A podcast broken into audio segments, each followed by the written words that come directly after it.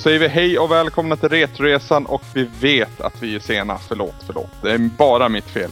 Eh, jag som har plumpat mig, vad man säger den här veckan. Jag heter Anders och eh, i Malmö sitter Samson och tjötar med mig. Hej på det! Tjena, tjena. Det är inte bara ditt fel faktiskt. Är det inte? Nej, vi skulle spelat in på vår vanliga tid. Så sa du, kan vi köra imorgon? Alltså torsdag då? Ja. Och Ja. sen så var det väl jag som inte kunde på torsdag för jag hade annat att göra. Så då blev det Ja, fredag. Torsdagen var min enda lediga dag den här veckan och då menar jag verkligen ledig för det har varit sju på morgonen till nio på kvällen jobb hela veckan. Mm. Så det, det har varit helt kaotiskt. Så Igår var jag som en, ja, jag vet inte vad man ska... Barbapappa kände jag mig som. Kanske bra att du har fått vila upp dig då så att du inte är lika trött nu. Fast jag jobbar idag. Jaha, okej. Ja, på, till råga på allt så kan man ju också då nämna att anledningen till varför jag inte kunde i torsdags, det var för att jag hade ett möte. Mhm. Mötet blev inställt. så Ja. det, det är båda tvås fel. Ja, men men. Vi, vi kan ju inte alltid sätta Retresan i första rummet. Så är det. Men Nej, det, men huvudsaken är att vi får ut ett avsnitt, eller hur? Jajamän. Eh, för att kicka igång det här så tycker jag att vi har öppnat postsäcken Samson. Och det har du koll på den här veckan. Jajamän. Först ut är kioskvältaren som på våran sajt skriver apropå snacket om antalet in i Goblins-serien, eller Goblins, kan vi säga Goblins? Kan vi Ja, bestämma det? Goblins, inga mer långa in. Ja. Eh, ja, apropå snacket om antalet in i Goblins-serien så tror jag att det är så om så. Antalet in indikerar hur många karaktärer man styr. Är det tre in så är det tre karaktärer, är det fyra så är det fyra karaktärer, om det är ett i så är det en karaktär. Och det stämmer, tror jag. Ja, jag har inte spelat tvåan eller trean så jag vet inte. Nej, men jag har tjuvkikat lite på dem via YouTube och det ser ut att stämma. Jag eh, litar på kioskvältaren. Det är kioskvältaren som tidigare kallade sig själv för Peter Carrot, eller Moroten. Okej, Jag jag tror han har för, jag tror han har kvar på skillpoint. Ja, det, det är i alla fall samma avatar, så jag misstänker att det är samma kille. Okej. Sara Di säger “Nu har jag lyssnat klart på veckans avsnitt. Tur att jag var själv när jag gjorde det, för det blev en hel del skratt rakt ut.” Ja, det bjuder vi på, hoppas jag. Ja, ja. Han tycker också att eh, du hade en imponerande siffra pizzabesök. ja, jag har ju insett det jag också när jag fick det lite på svart på vitt själv. Att, ja, det, det var lite mycket där. Men jag försöker... Ja. Kommer förhoppningsvis inte fortsätta i den takten.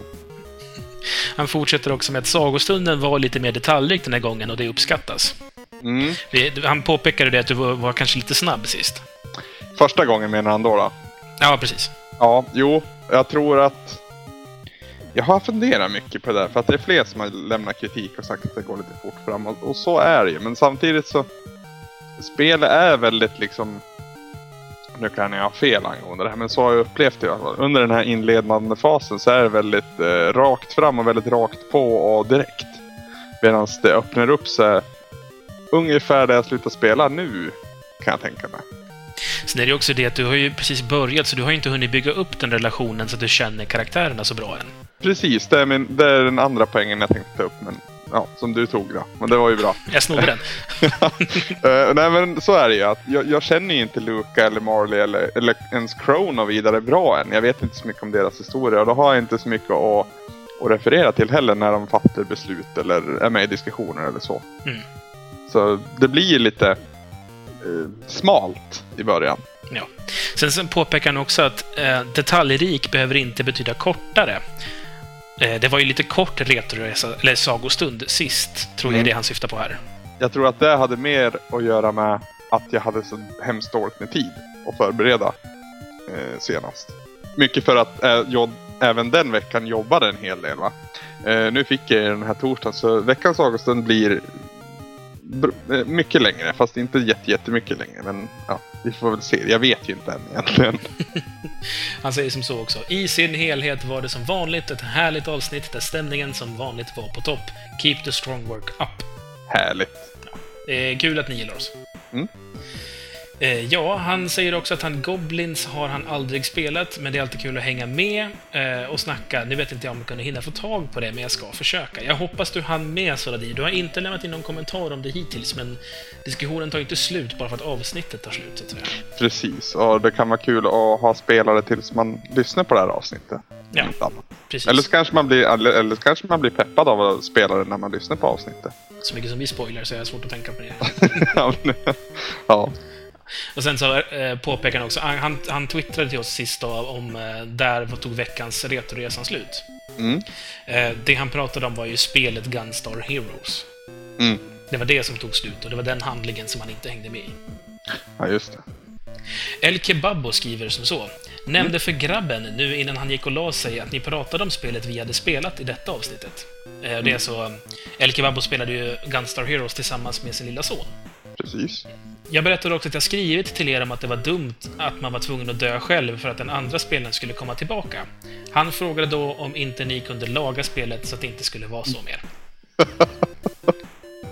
Jag tänker om vi kunde det så. tänk om vi kunde gå in och göra spelen precis som alla bör vara. Skulle det vara så bra egentligen? Nej, det tror jag inte. Alla skulle bli... Vänta nu. Wait for it. Megaman. Jag skulle säga att mega wait for it man. För det var riktigt Barney Stinson.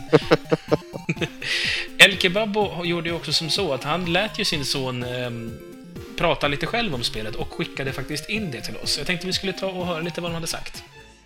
Tjena Anders och Samson. Det var Mats, eller Kebab och Holmqvist här. Eh, jag sitter här med min son. Mm. Säga hej? Hej! Hej. Filip heter han. Mm. Och ni vill veta vad han tycker om Gunstar Heroes. Vad tycker du Filip? Är det ett roligt spel? Ja, Jaha. Vad är det bästa då? den här som förändras. Ja, Bossen på andra banan? ja bossen på andra banan. Han som blir Ja. pistolen? Ja, så det ser jag lite tråkigt. vad tycker du är tråkigt med spelet då? Att man dör hela tiden sen har den kommit tillbaka. Ja. Att man inte kan komma tillbaka från den här döden. Mm. Tycker du annars om spelet? Det är ett fint spel. Mm. Det är ju ganska gammalt. Ja, det gör ingenting. nej! Nej, det är roligt ändå. Ja, Jaha. Ja, bra. det kommer ända hit upp. Hoppas att det kommer fler spel vi kan spela tillsammans, du och jag. Mm. Mm. Då tackar vi för oss då. Så här, hej då. Hej då! Och det tackar vi så jättemycket för. Det var jättefint av dig. Ja, Vad gulligt. Det var våran yngsta lyssnare hittills kanske. Om man nu, Ja, kan, kalla om man nu kan kalla en lyssnare. Men ja, skitkul. Han är med och spelar i alla fall. Det är ju hälften. Precis, det är nästan viktigast va? Precis. Vargavaka säger ett högklassigt avsnitt igen. Riktigt bra. Härligt. Mm, tackar, tackar. Han tipsar också om att Goblins finns på Good Old Games. Ja, det tipset såg jag och jag fick även tips från eh, Andreas Ljungström för en gångs skull. Det är han som har tips om det här spelet från första början. Och eh, jag slängde ut det på Twittern våra. Så att folk kunde se det. För det var, var det 50 eller 60 spänn för alla tre spelen. 6 dollar. Så det, Ja. det är ju nästan ingenting. Nej, det är inte mycket alls. Så jag hoppas att det var folk som gick ut och köpte det. För Good Old Games, ja, det är bra skit. Ja, även fast de gjorde en liten luring här för ett tag sedan. Ja, det där var lite plumpet va? Jag förstår inte vad som var med. Alltså, de fick ju för sig jättemycket uppmärksamhet och det är väl lite det som är poängen med PR-kupper. Men den var väldigt märklig. För er som inte hänger med så, så gick Good Old Games ut med att eh, Good Old Games kommer inte längre finnas. Vi lägger snart ner eh, verksamheten Good Old Games. Ja, det var, det var, de, de liksom tog det ju så pass många steg också att de förklarade att folk som hade köpt, för, köpt spel skulle kunna ladda ner dem i framtiden och allting sånt. Så att det kändes ju legit så att säga. Så visade det sig sen att det enda de gjorde var att de bytte ju namn. Så att det var, det, det- ja, i princip så var det exakt samma tjänst fast under nytt namn. Jag vet inte vad det nya namnet är om jag ska vara ärlig. Bytte de namn? Ja, men det var ju lite det som var planen, att de, de tog bort Good Old Games och så heter de någonting annat nu som är typ väldigt lika, men inte riktigt. Och det här var liksom som en liten kupp för det. Jag vet inte, jag är inte helt med på alla svängarna. Lyssnarna där ute har säkert 100% bättre koll än vad jag har. Adressen är fortfarande GOG i alla fall. Ja, men det kan ju vara att de har dubbla. Ja, det är möjligt. Men det står GOG.com liksom allting sånt här. Vi går vidare, tycker jag. Vi, vi, vi, vi gör så här. Våra fenomenala lyssnare får ta reda på fakta åt oss. Så slipper vi sitta och surra så jävligt. Men det var ju det jag sa för en kvart sedan. Nej, det sa inte alls. Oldgast skriver, är det bara jag eller låter Viktväktarna lite som en sekt? Jag vet inte, jag har inte varit i kontakt med dem än. Jag har. Jag skulle säga att jo, det är ju precis som en sekt. Men så är det ju frivilligt att gå med i den här sekten och det är ingen som tvingar dig att vare sig vara kvar eller någonting annat. Nej, det är, upp, det är liksom påpushning bara. Inte så mycket påpushning heller. Alltså det, jag är med i Viktväktarna. Kort förklarat, så det jag får ut av det är att jag betalar en summa varje månad Och för det får jag ett medlemskort. Medlemskortet gör att jag går på alla möten och mötena består av att man väger in sig, man kan handla i deras lilla shop och sen så är det en föreläsning som jag aldrig stannar på för den är helt värdelös. Okej. Stora poängen för mig med att gå där, det är att man har ju ett points-system. Eh, Pointsystemet går ut på att du får ett visst antal points baserat på ålder, vikt, längd etc. Mm. Eh, och pointsen är så många poäng per dag du ska äta och utöver det så har du också en bonus som du kan använda dig av också. Veckobonus kallas det. Mm. Eh, Jag som är jättetjock, jag har jättemånga points. Min flickvän som är smal har mindre points. Hon är inte så lycklig över det förhållandet. Du sitter och snaskar massa, massa onyttigheter framför näsan på henne. Jag försöker att vara så artig som möjligt, men det händer ju att jag kan liksom ta en Snickers när inte hon kan det, och det är inte så jävla positivt. Framförallt inte när hon är sådär, du vet... Det finns en tid i månaden då kvinnor vill ha väldigt mycket choklad. Mm. Det gäller att jag inte äter choklad ifall hon inte har några points då, liksom. Ja, just det. Nej, men så det jag är med på, eh, med för snarare, det är det här pointsystemet och för att i och med att man är medlem så har man tillgång till deras verktyg på deras hemsida och det är suveränt, för där kan man verkligen bara skriva in ett recept. Typ, jag ska laga det här, så skriver man upp allt som är i det och då säger den, det är så här många points. Mm.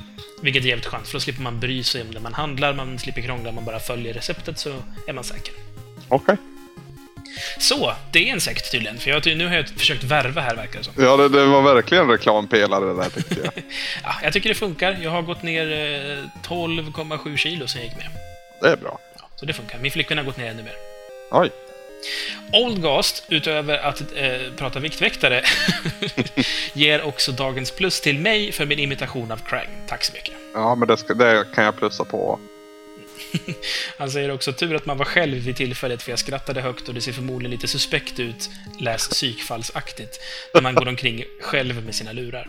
Kusetsu skriver galet bra avsnitt som vanligt. Tackar, tackar. Tackar, tackar. Sen berättar han också lite om eh, att han har eh, börjat spela survival horror. Han Mhm. skriver som så. Den här veckan fick ni göra mig sällskap när jag påbörjade min kamp mot survival horror-genren. Jag har länge velat spela igenom Resident Evil-spelet till Wii. Mhm. Eh, vilket är det den pratar om då? Är det fyran, Wii Edition, eller är det här uh, rail shootern, tror du? Eh, det är den som heter Remake, alltså det är väl första spelet tror jag. Jaha, det vet, jag visste inte ens att det fanns. Jag kan vara helt ute och cyklar. Men sen så är det också det som heter Zero, och det är väl den shootern du tänker på. Eller är det, det, det är Umbrella Chronicles det? Ja, Umbrella Chronicles shootern. Eller, ja, rail Nej shooter. men det här är, det här är riktiga survival horror Resident Evil-spel. Okej. Ja, skitsamma. Skitsamma. Han säger i alla fall, men jag har inte vågat för jag blev traumatiserad av den första zombien i det första spelet vid nio års ålder. Okej. Och det var det fler som blev. Ja, det, det kan jag nog... Ja, det och hundarna var väl det man skett på sig mest på. Ja. Koset så skriver i alla fall. Satt hemma hos en polare som plockade fram spelet och sa “Detta är bra, det här ska du spela”. Vi hade precis spelat Crash och jag ryckte på axlarna och började.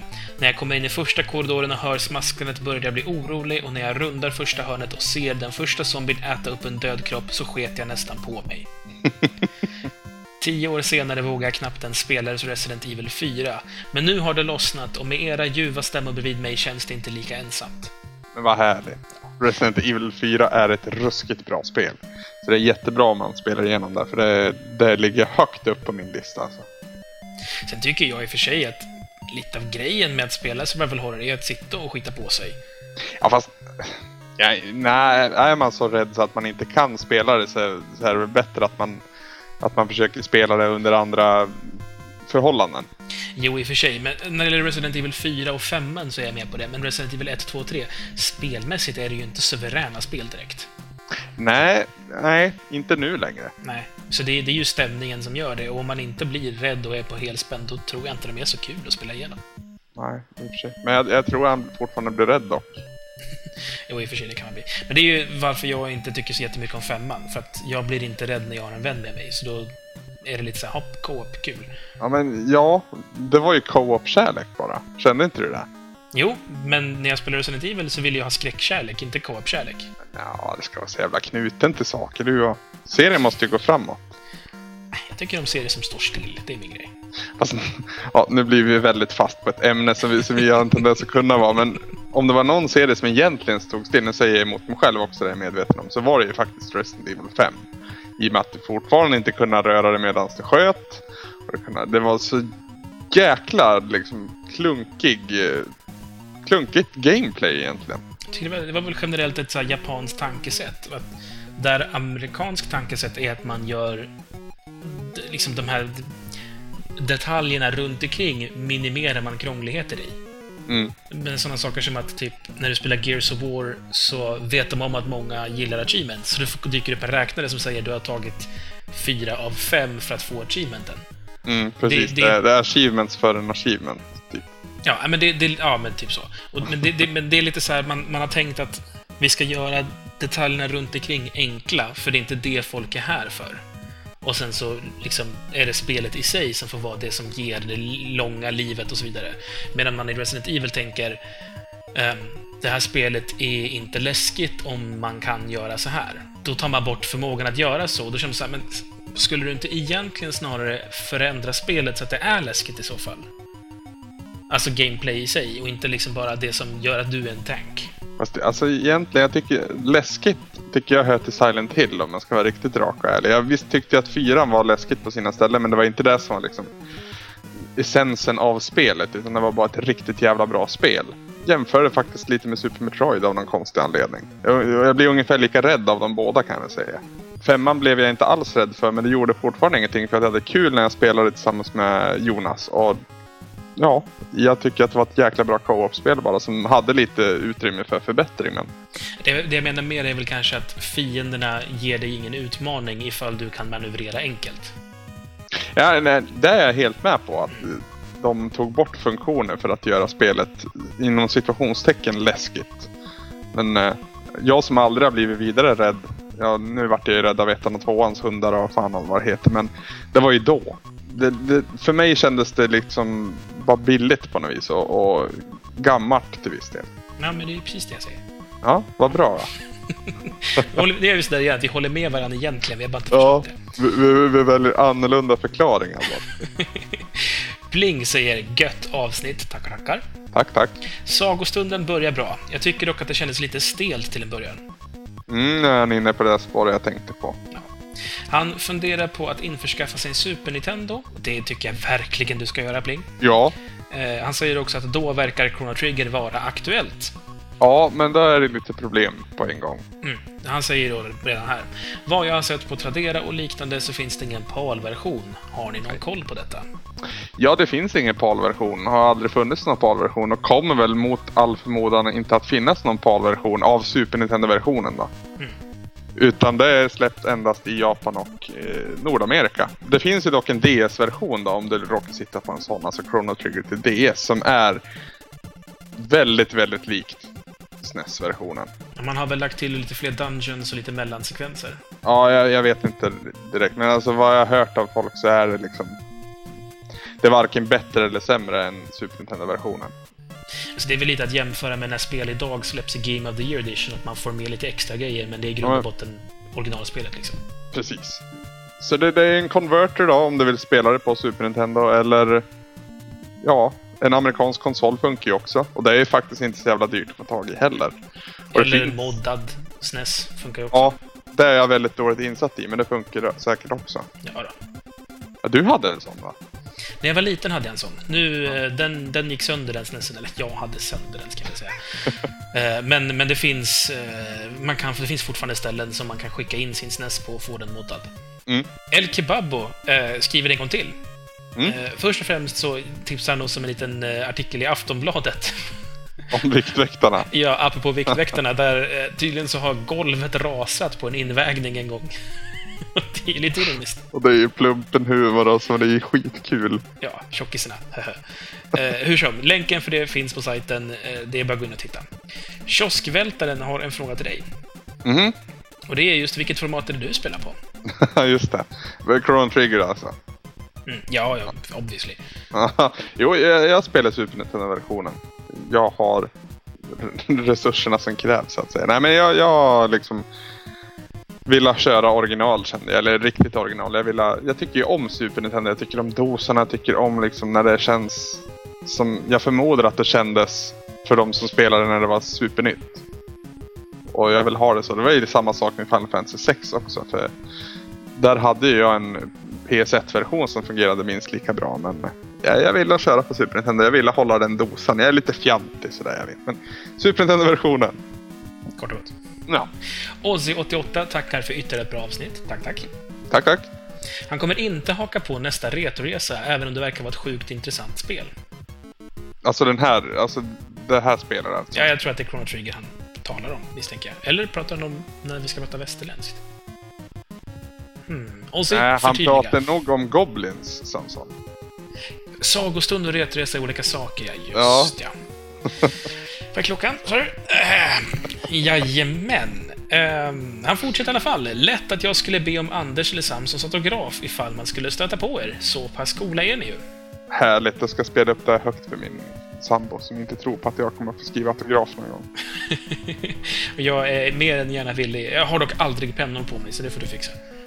Ja, jag brukar faktiskt ha min väska med mig och där har jag ett par pennor. Så. Ozzy säger också om någon vill köra co-op med mig i någon framtida retoresa så kan man lägga till min gamertag.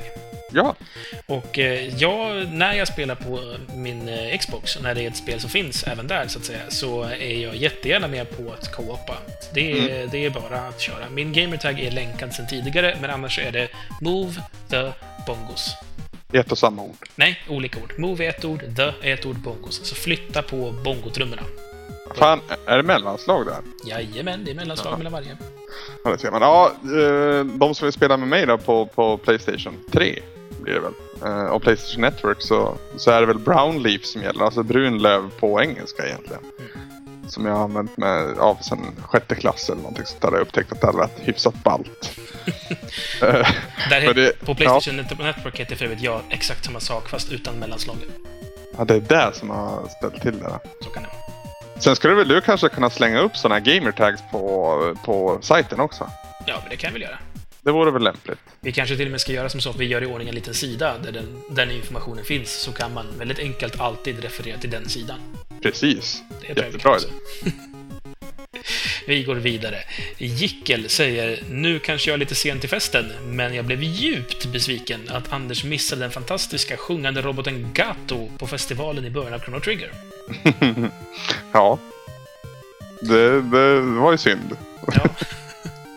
Eh, Jag är besviken på mig själv som inte kom ihåg den fantastiska sjungande roboten Gato. Jag hade också glömt bort det, så jag frågade inte ens.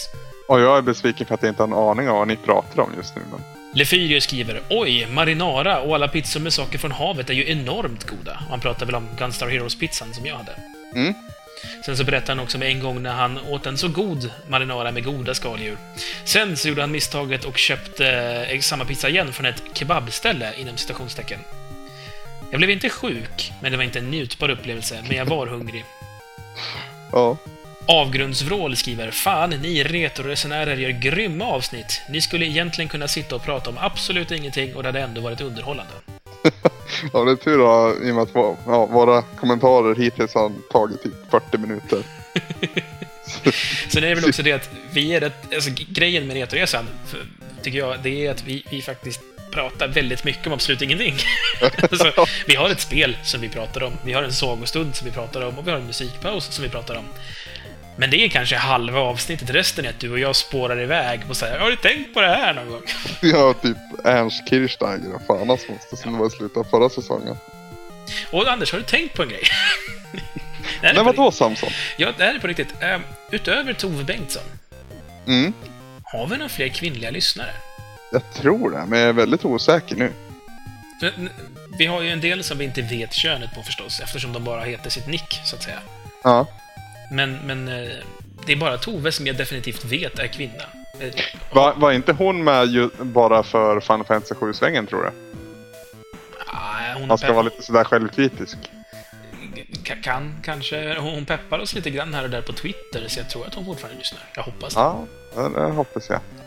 Ja, det, det det jag vill säga är, om det finns några fler kvinnliga lyssnare ute, så, så hör gärna av er. För att, vad jag tror i alla fall, så är det mest männen som hör av sig till oss. Nu finns det som sagt en hel del nicknames som jag inte vet könet på. Vi, vi vill ju inte bara ha en korvfest. Eller? Vill du ha en korvfest? Vi höll på att prata om avgrundsvrål och han tänkte prata lite med oss angående vad han säger vår favoritkonsol, Nintendo 64. Mhm. Eh, först vill han säga att vi hade rätt om Super Mario 64. När vi pratade om det så, Yes! När vi pratade om det så tyckte Avgrundsvål att vi var dåliga som inte klarade av kontrollen, men har nu insett att spelet faktiskt är nästintill ospelbart idag. Och det är så skönt att ha rätt ibland, känner du inte det? Jag har ju det jämt. Nej, det har du inte. Nej, jag vet. Men i det här fallet har vi båda rätt. Det bästa av allt var att vi hade rätt från första början. För vi sa det här, det här suger. Så Det var väl liksom en av våra bonding points, så att säga. Vi gjorde, vi gjorde en sån här uh, knuckle bump på, på att Super Mario 60, eller ja, Mario 64 sög. Och sen när folk kom och, och snackade skit och sa att det här är det bästa spelet som fan har hänt, vet jag vad de sa. Men då, ja, men då spelar vi då tänkte vi. Och så spelade vi det och så sög det. Och det är så skönt att ha rätt Samson. Jag står ju fast för att jag tycker inte att det suger, men jag tycker att det inte har åldrats med värdighet. Nej, nej, det suger inte. Det är ett riktigt bra spel men eh, Det är inte så bra som folk säger att det är. det har riktigt många väldigt vassa kanter också. Han undrar i alla fall, avgrundsvrål alltså, om det finns något Nintendo 64-spel vi faktiskt gillar. Det här tror jag vi har svarat på tidigare. Ja, det var inte så länge sedan heller va? Men vi kan väl rada upp dem igen. Vilka tycker du är bra? Eh, rent spontant som kommer upp i min skalle är uh, Conquer's Bad Fur Day som vi spelar i Retroresan. Det gillar jag skarpt. Topp på den, jag är med. Ja, och eh, Mario Kart 64. Jajamän, tycker jag också. Paper Mario-spelet som finns till Nintendo 64 tycker jag är suveränt. Ja, Jag har bara spelat inledningen, så jag kan inte uttala mig. Jätte, jättehärligt spel. Uh, rent... Nej, jag vet inte. Lilat Wars lägger jag till, det tycker jag är skitkul. Okej. Alltså det är Star Fox eh, 64, typ. Och det är väl dem. Eh, och jag kan redan nu också säga till er som lyssnar och tänker Hallå, ni glömde Zelda. Nej, det gjorde vi inte. Nej, icke. Nixpix. Inte bra. Nu går vi vidare innan det börjar hagla här. Tarmstorm lämnar en kommentar och eh, jag var lite osäker på var någonstans jag skulle ta upp den här. Eh, men jag kör den här helt enkelt. Mm. Så, nu när ni äntligen tar och spelar ett PC-spel i Retroresan så måste jag hänga på. Jag skriver ner mina funderingar i kronologisk ordning, alltså han realtidsskriver så att säga. Ja, medan han lyssnar då? Ja. Eller medan han spelar? Jag tror att medan han spelar då, eftersom det är Goblins han pratar om. Ah, ja, ja. Karaktären har en väldigt lång näsa och ser ut som något från Mumindalen. Här True. reagerade jag, okej, karaktären, de är väl tre? Ja, jo, men han fokuserar väl på en av dem Ja. Precis. Musiken är rätt svängig. Ja. Mm, ja, det, det, musik? Ja, det är precis. väl det jag undrar. Har jag missat något känner Ja, jag? men jag, jag tänker att det kan ju vara så att vi spelar en diskettversion av spelet och han spelar en CD-ROM-version av spelet, för där kunde det ju skilja sig rätt mycket på den här tiden. Ja, just det. Ja, det är möjligt. Varför är spelet på franska är nästa sak han tar upp. Här tänker jag att han måste få tag på en fransk version av spelet. Ja, eller så... Ja, jag vet inte. Han fortsätter i alla fall. Skulle det inte vara tre karaktärer? Jo, det, det är det. Det är tre karaktärer från skärm ett. Och här någonstans så går det upp ett ljus för mig. Varför i helvete skjuter min karaktär av sig huvudet när jag försöker plocka upp fallskärmen? Ja. Ehm, Okej, jag tror att det har, något har gått snett. Jag spelar inte rätt spel, eller hur? Varför faller båten? Sa de något i introt som jag inte förstod? Trollet är för jävla kass på golf. Va? Vilket jävla... Och här går det också upp, det, full, det slutgiltiga ljuset går upp här. Aha, var det Goblins ni spelade? Jag måste ha blandat ihop titlarna. Vänta, så ett, ett troll som spelar golf till nästa vecka då? Lovar han det, eller? Jag vill bara veta, vad fan har du spelat för något, Tarpstorm? Ja men alltså, lång näsa, det, tänk, ja, det kan ju vara Tintin också. Ja, fast jag har spelat så pass lite att jag vet att det inte finns något jävla troll i Tintin i Tibet i alla fall. Eller om det inte är någon yeti kanske. Kanske det. Ja, det, vi, vi får se helt enkelt, men ja. Han säger i alla fall bättre lycka nästa gång. Continuez votre bon travail de pomme de terre. Snygg franska där för övrigt. Jag har pluggat franska. Problemet med det är att jag inte är helt säker på vad det betyder. Men det låter som att han säger Fortsätt med den bra resan av potatisar?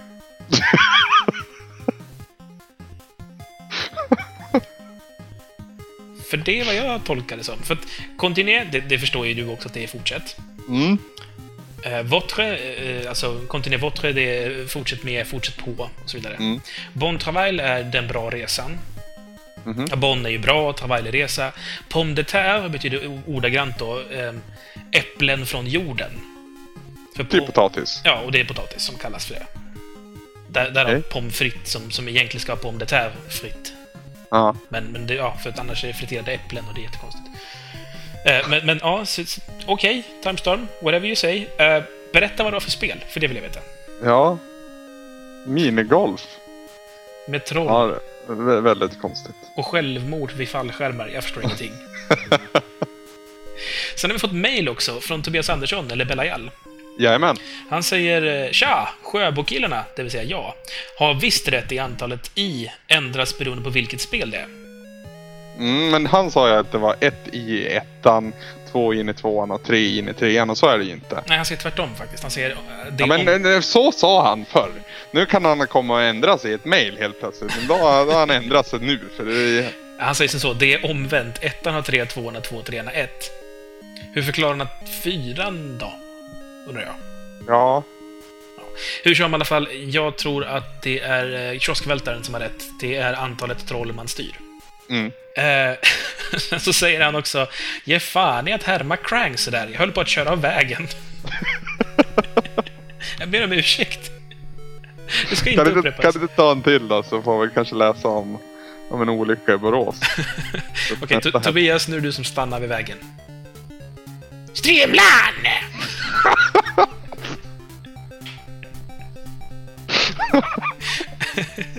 Det var bättre den här gången alltså. Han säger också att han tycker att ljudvolymen är lite ojämn, framförallt mellan musik och jinglar och prat. Mm. Eh, ja, förklaringen på det är väl att vi i... i eh, Inte vet vad vi sysslar med riktigt. ja, kort sagt. Jag försöker faktiskt. Ehm, för det, ja, vi tar in musikpauser till exempel ehm, varje vecka och det kommer från olika ställen och mp3 är olika hög eller ljudfilerna är olika hög rättare sagt.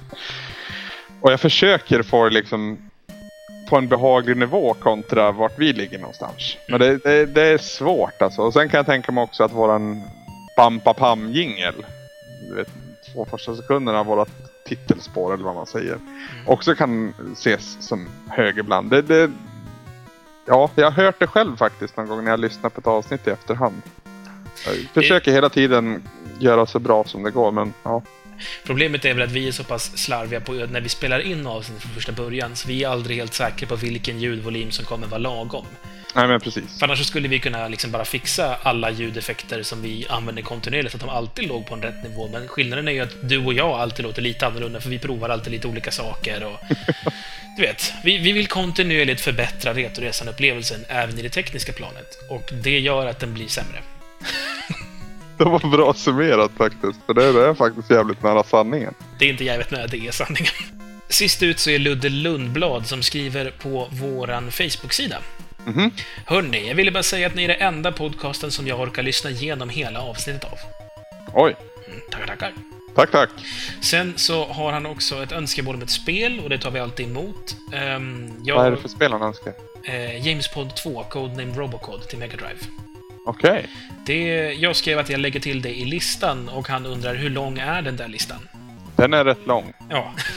listan, Eh. listan innehåller väl i princip alla spel som vi får tips om, som vi inte har spelat, hamnar i listan. Precis. Och så lite så här äh, vad vi själva snubblar över också. Ja, eh. För det, det, det, det är många kriterier som spelar in vad man spelar för spel kommande vecka. Det är liksom, har vi spelat ett riktigt tungt spel till exempel som tar många timmar, då är det rätt skönt att ha en liten, liten plattformare på NES. Kanske också förklaringen till att det varit så mycket plattform under förra säsongen. Jag vet inte. Men, men det är liksom, ja. Personlig lämplighet kan man väl inte kalla det, men lämpligheten eh, spelar in som faktor i alla fall. Eh, sen så skulle väl jag också säga att en del av grejen också att det här är ju eh, lite av, av en pile of shame-genomgång också på sätt och vis. För att för mig är det väldigt mycket att de spel vi tar upp är spel som jag hörde talas om när de var nya, men aldrig provade, eller aldrig spelade färdigt, eller aldrig fick tag på, eller ägde inte konsolen då, eller whatever. Så det finns ju massa spel som jag kanske läste om i, i Nintendo-magasinet, men som jag fick aldrig, aldrig provade. Ja, sen finns det ju, alltså Goblins har jag aldrig hört om. Nej, det är ju bara ett rent tips från, från Andreas. Ja. Så det, det är ju, ja, alltså, det, det funkar att tipsa oss också förstås. Så det, det är ju... Det är rätt kul att ja, Andreas Ljungström tipsar, om Goblins inför det andra avsnittet någonsin av Retroresan och i säsong två avsnitt eh, fyra eller någonting sånt där, då spelar vi det. Så lång tid kan det ta, kära lyssnare. Om man har otur. En annan sak som har hänt på Facebook. Ja. eh, Det är att vi, vi har ju en diskussions... eh, En board där helt enkelt, ett forum. Den har jag glömt bort lite grann, fy på mig. Mm, där ska vi titta. Där får du musiktips ibland kan jag säga. Ja, men det är bra. Hur som helst i alla fall. Filip Tunnis Wilhelmsson har startat en tråd där som heter Retromobilspel. Jaha. Han frågar då, finns det några retrospel till iPhone som är värda att spela när man är ute och reser? Och det där har du betydligt bättre koll på än mig kan jag säga. Ja, jag, jag skrev i, i tråden då att jag rekommenderade Monkey Island-remixen, för de är jävligt bra. Ja, det, det, är det samma som finns till nedladdningstjänsterna? Ja, det är exakt samma, fast Ja, men då kan jag rekommendera dem också. Framförallt första. andra är faktiskt ännu bättre. Ja, kanske. Alltså, jag tycker första spelet är bättre om man tittar så, men jag tycker det andra spelet är bättre anpassat för konsol. Ja, det var, jag tyckte precis tvärtom ja, men det, det, då spelar jag med en controller också. Hur som i alla fall, eh, det är de spelen som också finns på iPhone. Jag rekommenderar dem. Fler där ute spelar säkert också på sin iPhone, så gå in på tråden som heter Retromobilspel och hjälp Filip att hitta fler. Han håller just nu och testar Final Fantasy 1 och han stör sig på att man inte ser fiendernas HP och att man inte alltid får instruktioner om vart man ska gå. Så Det- är spelet. Ja, det alltså, har man de kriterierna så kanske inte Final Fantasy är någonting för han på ett bra jäkla tag. Typ Final Fantasy 14 kanske. Nej, Nej, 13 menar 13 är extremt linjärt och, och 12 är också väldigt tydligt vart man ska. Jag tycker även att 10 var det i viss mån 9 8 också. Har inte spelat så. Bli, allt tar sin tid. Hur som helst, det var veckans postsäck. Vi stänger den där och går vidare på veckans spel.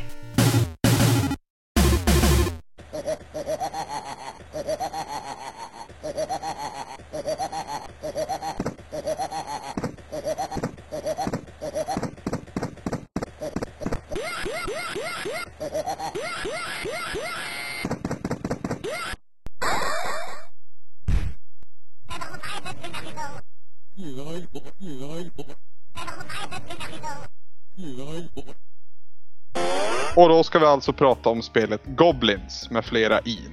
Och det här är alltså ett, ett, ett PC-spel som släpptes 1991 och det är utvecklat av Cocktail Vision.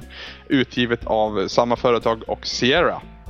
Och det, ja, det är ett peka-klicka-spel med väldigt stort fokus på pussellösande. Så har jag skrivit här i alla fall. Det är väl alla peka-klicka-spel i och för sig, om man ska vara sån. Ja, fast... Alltså, ja, definiera pussel. För jag menar, det kan ju vara pussel i en dialog också. Som i ja, Secret of Monkey Island som vi kommer referera till mycket misstänker jag. Så, så är det en hel dialog, eh, en hel del dialog också va? Ja, det är sant. Det finns det ju inte här. Framförallt första när du ska lära dig massa olika, ja, comebacks så att säga. Eh, Insult Swordfighting. Ja, precis. Insult whatever finns ju i alla spel. Till och med i fyran där det är Insult Arm Wrestling och det är jättedåligt jämförelse. Ja, det vet jag ingenting om. Eh, I Goblins i alla fall så kontrollerar du tre olika Goblins med olika egenskaper. Och de här är då Asgard som är lite av en slagskämpe kan man väl säga. Eller ja, eh, ja en brute. Ja, han heter Bobo i USA-versionen. Ja, det är bra att du har amerikanska namnen där, för det har inte jag. Eh, Ignatius, eh, en magiker, kortfattat. Och Oops, som är gruppens tekniker. Och den enda vad jag har sett i alla fall som kan plocka upp föremål. Eh, Ignatius heter Hooter och Oops heter Dwayne i USA. Jag gillar Oops mycket bättre. Just för att det stavas O-U-P-S också. Verkligen så betoning på Oops.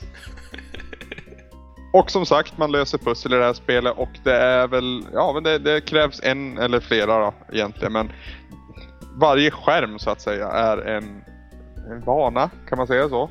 Ja, typ. Ett pussel som ska lösas på något vis i alla fall. Precis. Och eh, ja, när det löser det så tar du vidare till nästa skärm och börjar om så att säga. Någonting jag kände var väldigt välkommet ska jag säga redan nu. Det var att när man laddade ner det här via Good Old Games som, som jag gjorde. Jag tror du också gjorde det va? Jajamän. Det var liksom inte så mycket att fundera på vad det här priset. Då fick man ju faktiskt med en walkthrough. Tänkte du på det? Jag missade den, för att jag har googlat fram den istället. Ja, den kom väl till hands i alla fall kan jag säga. Framförallt när man spelade under tidspress. Jag har faktiskt inte tittat så jättemycket i det. Det var någon en- enstaka tillfälle. Ja, nej, jag, jag kände att jag var tvungen ibland. Alltså det var ju, jag försökte ju själv först och så sen så efter så här sju, åtta minuter bara stå och stampas bara. Ja, men om jag klickar här så öppnar jag den och så bara jaha, det är så man gör och så tog jag mig vidare. Och det, det ja, det kan man väl skämmas för kanske, men nej. Spelar man under tidspress så blir det sånt. Det är bara så. Ja.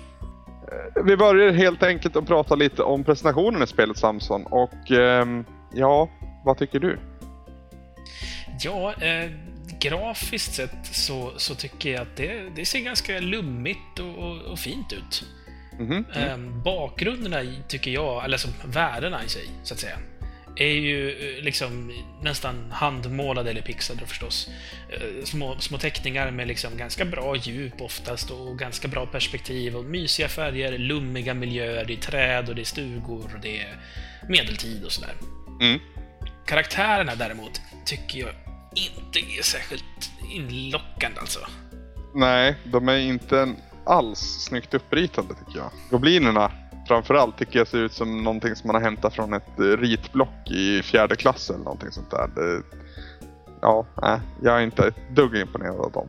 Och sen, ja, ja, jag vet inte om jag är så såld på, på bakgrunderna heller egentligen. Men samtidigt, det är ett jävla tidigt spel och jämför man med andra spel från samma tidsepok så fanns det en jävla grynighet där. Så det var svårt att se. Och det, det finns även här men jag tycker inte att den är som allra värst. Alltså det kom ju ändå efter det första Monkey Island-spelet, så jag vet inte om man riktigt kan skylla på att det är tidigt. För det första Monkey Island-spelet är ju snyggare än vad det här är. Tokigt mycket snyggare. Jag tror att det, det som jag stämmer på med, med framförallt spritesen då, för det är de jag... Alltså bakgrunden tycker jag är helt okej. Mm. Men spritesen tycker jag är ganska fula i regel och det är dels en kombination att det rent tekniskt sett inte är så bra gjort. Alltså som du nämnde, det ser ut som en femåring som har ritat det i kladdblock. Mm. Eh, Och inte på ett så positivt Yoshi's Island-sätt, utan på ett dåligt vis. Ja. Ehm, Men det som stör mig egentligen, det är att designen i sig av karaktärerna, alltså hur de faktiskt ser ut, det känns enormt franskt. Okej. Och det jag menar med det, alltså, i Frankrike är ju det land där Jerry Lewis blev jävligt stor. Mm. Alltså såhär snubbelhumor. Och jag, jag kan tänka mig att i Frankrike... så- Hela den här halvan typ. Ja, alltså det är lite den sortens, du vet, så här, det är skitkul med typ män i kvinnokläder och så en stor clownnäsa och lite så här.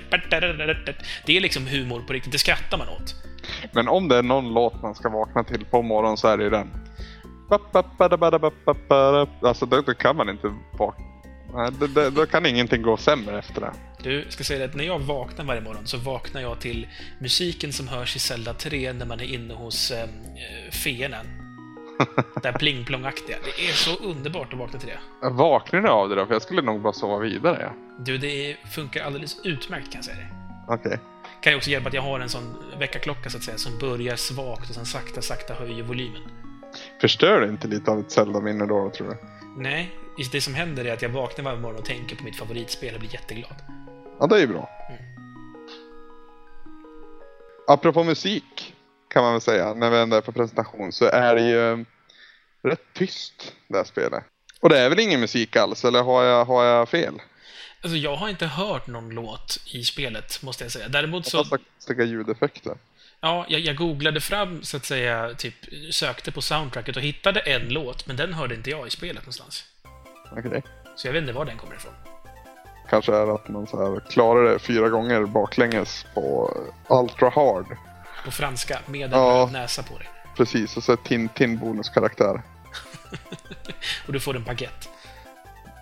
Där! Ja okej, då, då har vi löst det. Ja. Nej men äh, alltså det är jättejobbigt tycker jag. Med, ut, utan musik. För alltså det, lite grann känns det också som ett spel som ska ha musik.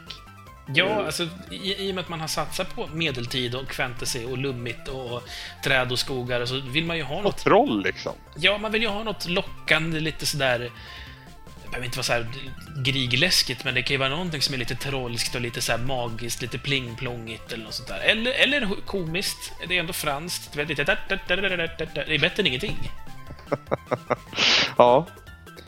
Eh, det, det slutade ju med att jag fick slå på radion i bakgrunden för att liksom kunna hantera eh, trycket som blev. Det var, alltså, det var på riktigt påfrestande. Oj, Tyckte jag. Så pass. Ja, men ja, Det, det kändes fel på något vis. Och det, det fick i och för sig bli P3 då, vilket inte passade in helt riktigt bra. Men eh, det var alltid, alltid, ja det var någonting i alla fall. Jag lyssnade på Regina Spektors Samson på repeat och älskade mig själv. ja, just det. Okay. Lefyrius håller med förresten angående ljudet. Han säger att det är väldigt, väldigt sparsmakat ljud. Mm. Och det har han ju helt rätt i. Det är mest bakgrunds-ambient-ljud som fågelkvitter och så vidare. Han hade gärna hört mer musik och jag håller helt med. Och det gör ju Ja. du också uppenbarligen. Däremot säger Lefyrius att talet var förvånansvärt bra för att vara på den tiden. Han menar det här blablabla. Ja, alltså, jag vet inte om jag ska kalla det tal. Det är ju mer sån här, hummel. ja, gibberish-språk. Fast det är kul. Jag tyckte att det blev, alltså det, det hördes ju tydligt att det fanns, de hade spelat in typ så här fem sekunders bitar som bara upprepades om och om och om igen. Så det var såhär... Och så någon som svarar...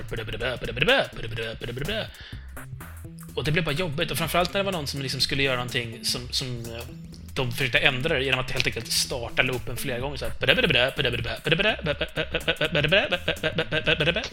Jag orkar inte med det. Jag bara, fan är det Hacke Hackspett jag kollar på? Jag orkar inte. Ja, imitation av Hacka Hackspett, kan det där också eller? ja, det bra.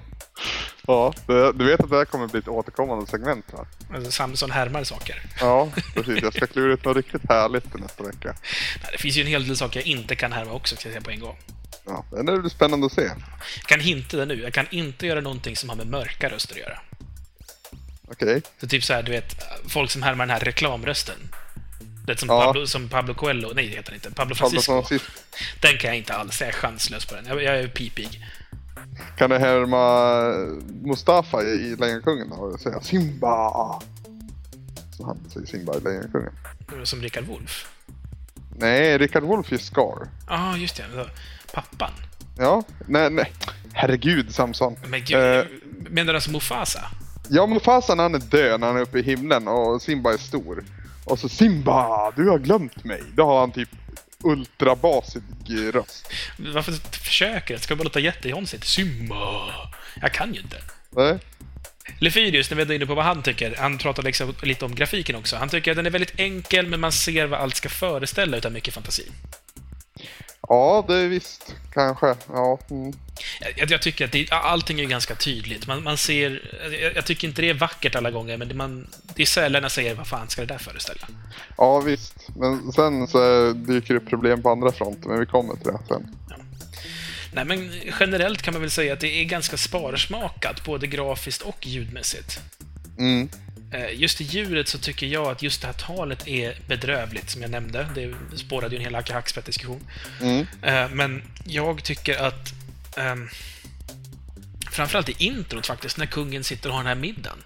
Mm. Det, det blev bara jobbigt. Alltså det blev så här tjeckisk dockteater-jobbigt att kolla på. Det är faktiskt en rätt så bra jämförelse. Så där som man, så, så, ja nu är det barnprogram på TV Anders. Ja, jippi säger jag och så går jag dit och så bara, vad i hela jävla helvete, vart är mina Turtles, mina He-Man och mina, ja, Ducktails? Ja, eller bara jävla Björne och Robert Ja. Gustafsson funkar bättre. Ja. Liksom. Det här var bara drygt. Åh, kan vi inte klippa in Björnes magasinslingan i bakgrunden? I och med att det, det kommer väl finnas en hel del musik som du kan spontant klippa in i och med att vi inte har någon musik att prata om i det här spelet ändå. Inte det minsta. Jag har tänkt på det faktiskt. Ska vi lägga på någon bakgrundsmusik eller ska vi bara slänga in lite random? Nu tycker jag jag ska slänga in Björnes melodislingan i alla fall. Ja, men då gör vi det. Så, Anders. Nu har du Björne i bakgrunden. Det känns lite bättre. Ja, ja nu, nu är jag ett litet barn igen. Ja, men vi, vi får köra så. Vi, vi slänger lite random grejer vi tycker låter bra. Men eh, det kommer vara mycket tyst i bakgrunden helt enkelt. För jag orkar inte leta upp musik som täcker hela avsnittet. Nej, du får väl ta typ det här pratet som loopas i bakgrunden hela tiden. Vi Och vill, eller vi gör ett specialavsnitt riktat till Andreas Ljungström. Som önskade det här spelet. Där det bara är det där pratet i typ två timmar. nu tyckte jag att så här, Ludde Lundblad tog upp väldigt precis här, en jättefin kommentar om att vi är den enda han orkar lyssna färdigt på. Ska vi då ta bort det helt och hållet? Ja men bara till Andreas Ljungström. Jag skickar det speciellt till han. Jag tycker vi bara ringer upp, jag har hans nummer. ja, ja. Eh, telefonterror åt sidan. Ska vi gå vidare med vår lilla snack om spelet kanske? Ja, och det är väl läge och dags att prata om eh, gameplay slash kontroll. Väljer jag att döpa den här delen. Mm. Ehm, och vad tycker du om kontrollen? Alltså det är, det är ett peka-klicka-spel så det är en mus, själva kontrollen. Men hur tycker du att det funkar i, i spelet? Alltså generellt så har jag väl inga större problem med musen, liksom. Utöver att det är väldigt, väldigt små boxes som man ska träffa. Ja, och det är mitt absolut största problem och det där grafikproblemet jag, jag tänkte jag skulle prata om också. Att det är så jävla enkelt att ställa eller lägga eller ja, göra någonting en millimeter fel. Och så funkar det liksom inte. Och då prövar man något nytt och så det... Du låter lite irriterad. Ja, jag blir mer irriterad ju mer vi pratar om det här spelet faktiskt. Jag stör mig på en helt annan sak som också... Alltså, självklart stör jag mig också på när det är för alldeles för små objekt som man ska klicka på. Ja, Där tycker jag att man som, som designer kan ge, ge spelarna en större box, att man kan träffa lite på sidan av och det är fortfarande träff, för man vet ju att det är den de försöker klicka på. precis. Eh, sen tycker jag att det är dumt att den inte indikerar tydligare att nu håller du musen över någonting som går att klicka på. Mm. Och någonting som Monkey Island däremot gör mycket, mycket bättre. För där får du upp en liten grej som säger att just nu pekar du på en skylt. Och då vet du att okej, det här är en skylt. Skylten är... Speldesignerna uppmärksammar att det här är en skylt. Alltså finns det någonting att göra med den här skylten.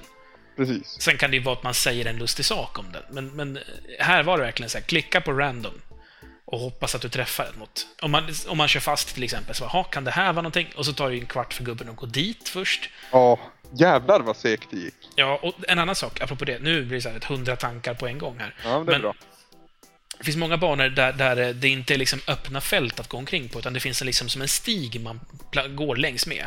Mm. Och den här stigen är oftast byggd, framförallt när man går på trägrenar och sånt, vilket det gör med några tillfällen. Då är den verkligen bara en exakt eh, liksom, väg man kan gå. Det finns liksom inga så här runt omkring. Det finns ingen bredd liksom i det fältet som är här kan du gå. Utan det är verkligen en helt rak linje, sen så kan det ju förstås variera sig i höjdled så att det ska följa med grafiken. Men går du med en gubbe så kan han liksom ibland känna som att han krockar i nästa gubbe, så du måste liksom...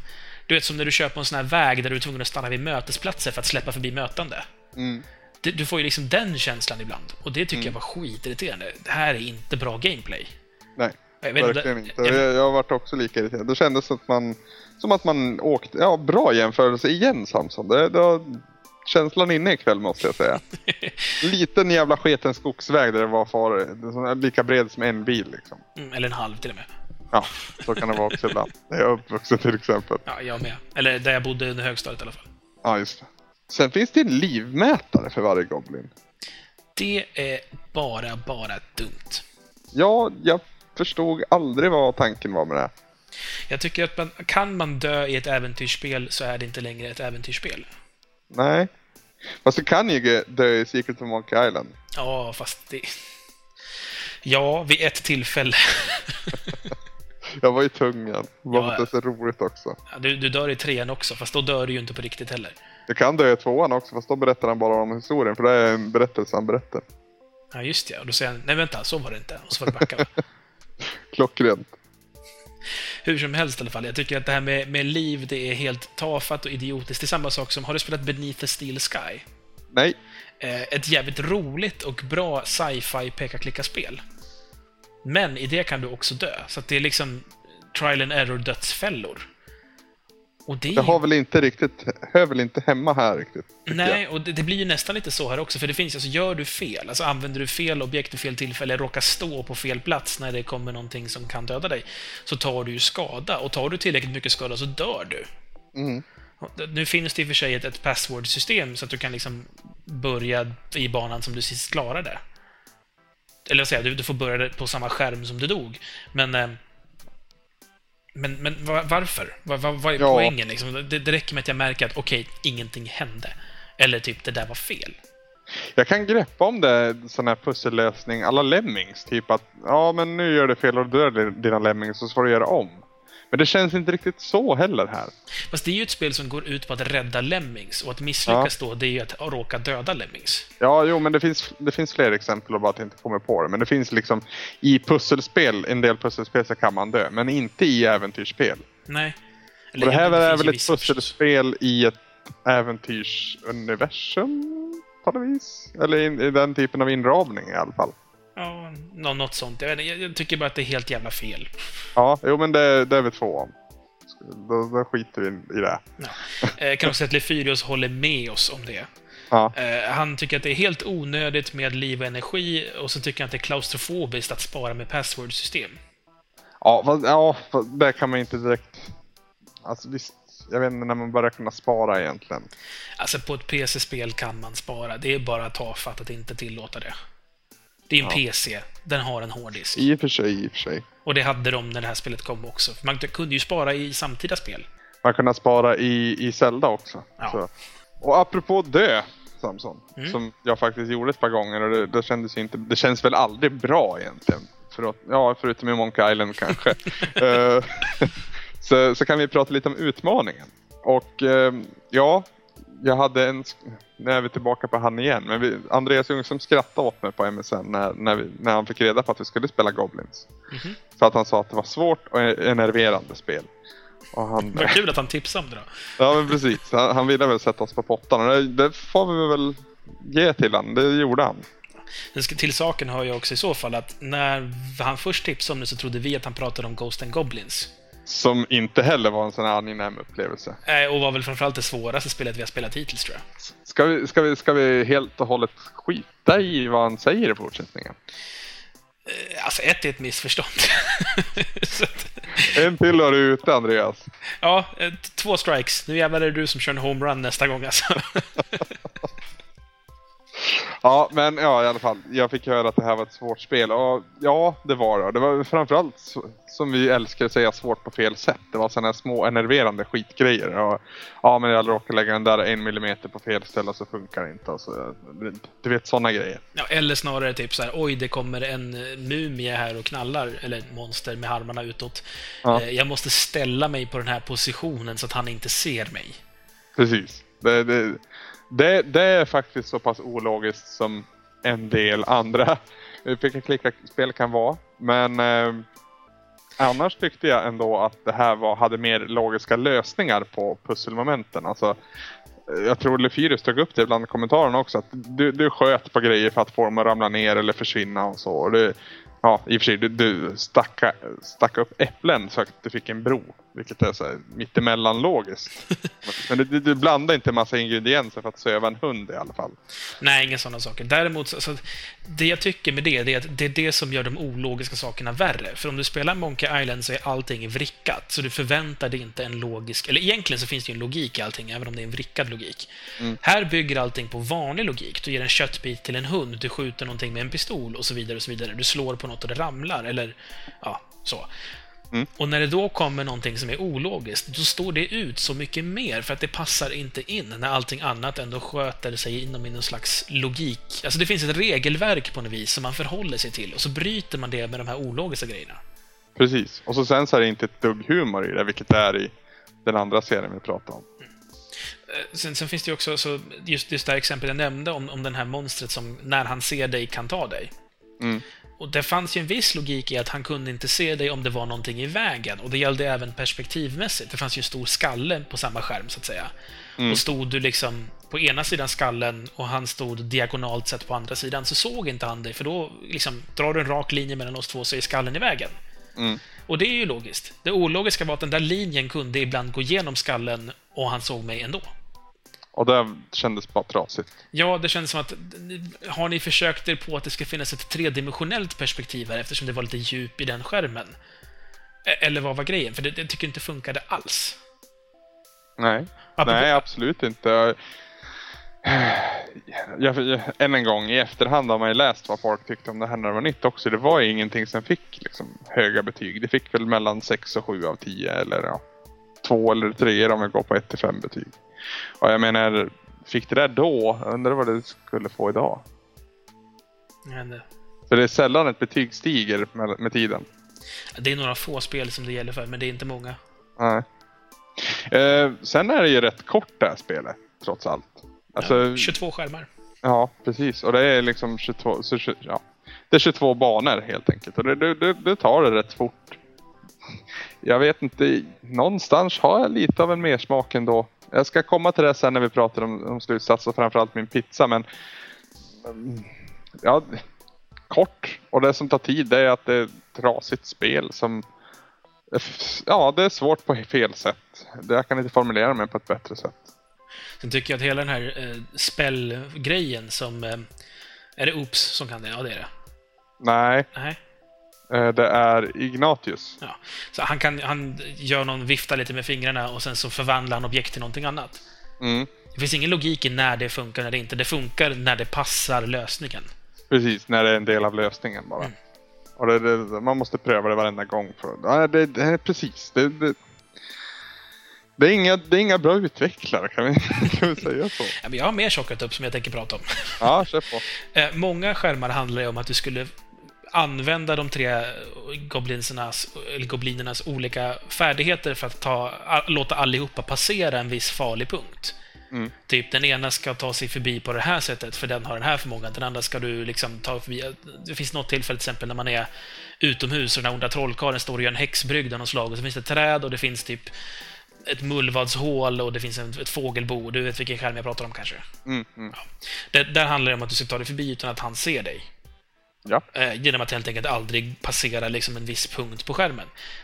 Och ja, En kunde man flyga över med hjälp av en fågel och en kunde man göra si, en kunde man göra så med. Och där känner jag bara så här, okej, han kunde flyga med hjälp av fågeln för han stod på rätt plats när ägget kläcktes och fågeln kom. Det fanns ju för fan fyra ägg. Gör samma sak en gång till. Varför ska ni alla ha en unik grej som gör att ni tar er över? Det var liksom dumt bara. Det, det är som... eh, Har du spelat Dead Rising 2 någonting? I, väldigt, väldigt lite tyvärr. Jag har det här hemma. Ja. I Dead Rising 2 så har du ju en dotter och dottern måste ha Sombrex med jämna mellanrum. Ja, För hon är biten och Sombrex är liksom en bromsmedicin, så att säga. ja, Och, och det, det, det köper jag och liksom en del av spelets utmaning är att du till och från ska liksom hitta Sombrex och så måste du ta dig tillbaka till safehouset där hon är och ge henne lite Sombrex, annars dör hon. Och dör hon så är spelet kaputt. ja. Det finns fler personer i det där rummet. Vad sägs om att jag bara lassar upp alla mina Sombrex till en person och säger hej, ge henne den här varannan timme? Mm. Den sortens logik, som, som tyvärr inte finns i Dead Rising 2, det är exakt samma problem här också. Varför kan de inte allihopa ta samma väg? Varför... Så... Sluta! Ja, det, det är så jävla gammalt på något vis. Det, det, ja, det, det har ju förekommit förut också. Det finns en jättebra lösning men man väljer den svåra vägen bara för att det ska bli ett spelande. ja, ungefär. Och det, det, det är då det inte funkar. Det är då det är dåligt gjort. Ja, Då, då är det dålig inspiration i teamet. För att om jag kan se en lösning som är effektivare, då har man misslyckats med sin bandesign. precis. Ja, det var det jag hade att säga om det. Ja, är vi klara på ut- utspängen där? Jag tror det. Ja, jag vill inte prata mer om det här spelet. Jag vill runda av det här snart. Jag tänkte jag skulle prata lite om vad Lefyrius har sagt också. Ja, gör det då. Ja. Lefyrius tycker att man är van vid en lite mer modern kontroll, men den funkar. Och det är väl generellt så. Mm. Eh, han håller med oss om att eh, ibland så, så kan man liksom råka trycka på fel sak, eller missa en sak. Eh, Ibland, jag tycker det händer mest hela tiden faktiskt. Ja. Eh, han ser också att han är lite mer lagd åt den här ologiska användningen av vanliga föremål, Monkey Island-style. Mm. Och det gjorde ju att här, är det liksom, här när det är så här, vet, skjut med pistolen och ge köttbiten till hunden och så vidare, så, så är det liksom inte, inte riktigt för honom heller. Nej men alltså, man blir besviken. Så blev jag. För som du säger också, Monkey Island var ju före det här. Det kom ju före det här och man tänkte att oh, nu får jag massa objekt, nu ska jag göra något riktigt klurigt med det här och så blir det roligt. Det blir aldrig kul. Nej. Det blir fan aldrig kul. Ska vi gå vidare? Ja. Och jag tänkte börja runda av det här spelet faktiskt för att nu är jag less på att prata om det. Men då kan vi i så fall börja med vad Lefyrius säger som en slutsats av det hela. Ja. Det här är ett spel jag kommer glömma fort. Även fast jag är ett stort fan av peka och klicka, så om man vill ha något från den här tiden så finns det mycket bättre alternativ. Ja. Det håller jag helt med om. Sen så tar han upp en positiv sak och den är jag helt med honom på. Han gillar att på slutscreenen så står det en goblin och pumpar upp ett luft i ett trähjul. Ja, det, det var det enda humorn jag såg. Ja. Så skriver han så- också, varför skriver jag så här mycket om ett dåligt spel istället för att skriva mer om ett bra spel? Ja men det är bra för sist hade vi jättemycket lyssnarkommentarer men nu var det Lefyri som liksom klev upp och verkligen hjälpte oss genom det här. Mm. Medan de andra var lite smartare kanske, inte vet jag.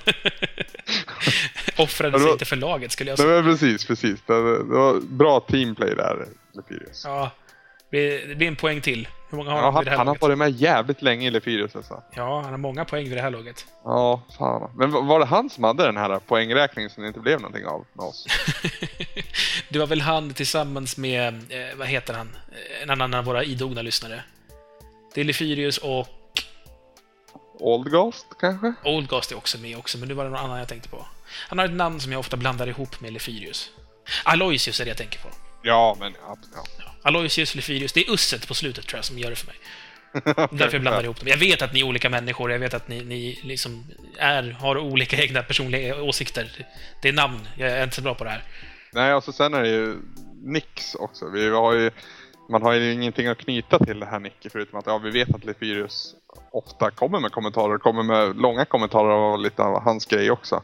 Lefyrius är i alla fall killen som har avataren av den här Mac-nörden från Penny Arcade, tror jag att det är. Ja, Och Aloysius är han som har nallebjörnen på Gameplayer. ja just. Ja. Vad, vad spännande det vore om de två gjorde en, en retropodcast och började konkurrera med oss. Gud, läskigt. Ska inte sätta idéer i huvudet på dem? Nej, alltså jag är lite rädd för det. Jag läste om en annan podcast som är på gång som, som kör ett liknande koncept som vårat. Jag blev lite så här, tänk om den blir mer populär än Retroresan. Ja.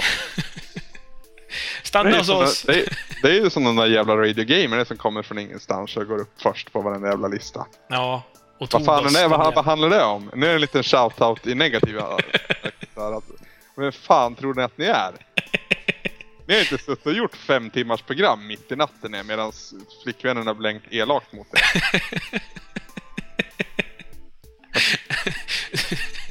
Jag vill ju faktiskt nämna att jag tycker att Radio Gamer är skitbra. Så jag tycker Ja, att de jo, gärna får jo, fortsätta. det- de, de gör ju bra, men de förtjänar, jo, de förtjänar väl kanske. Det är bra när podcast får uppmärksamhet, kan vi säga så. Och tack förresten till alla som röstade på oss i det här. Är det det det handlar om? Att de fick mer röster än vad vi fick? Ja, jag vill ha vinna. Jag vill alltid vinna. Men vi kan ju faktiskt säga så här. De är ju på sätt och vis kopplade till professionell radio. Ja, det är starkt kopplade Ja, men det, men det är ju eh, Riks och, Energy och lite alla möjliga inblandade i det. Riks och Bandit är det väl de Ja, det är, ja, det är Bollnäs, Martin och gänget. Hur som helst, de har i alla fall den professionella anknytningen, även om inte företaget i sig liksom sponsrar podden, förutom att de lånar den utrustningen och sådär. Sen näst på listan över de här liksom, som vann bästa svenska, så var ju Spelradion nästa spelpodcast. Ja, de är ju dö. Ja, de finns ju tyvärr inte längre. Näst på det var det faktiskt vi. Ja. Så av de som faktiskt är riktiga amatörer, som vi ändå får se att vi är, Det blir, det blir så här då, så här. Nollbudget podcast som fortfarande är aktiv. Kan, vi- kan vi inte sätta upp en sån bild på vår hemsida? Så här. Sveriges bästa poddradio.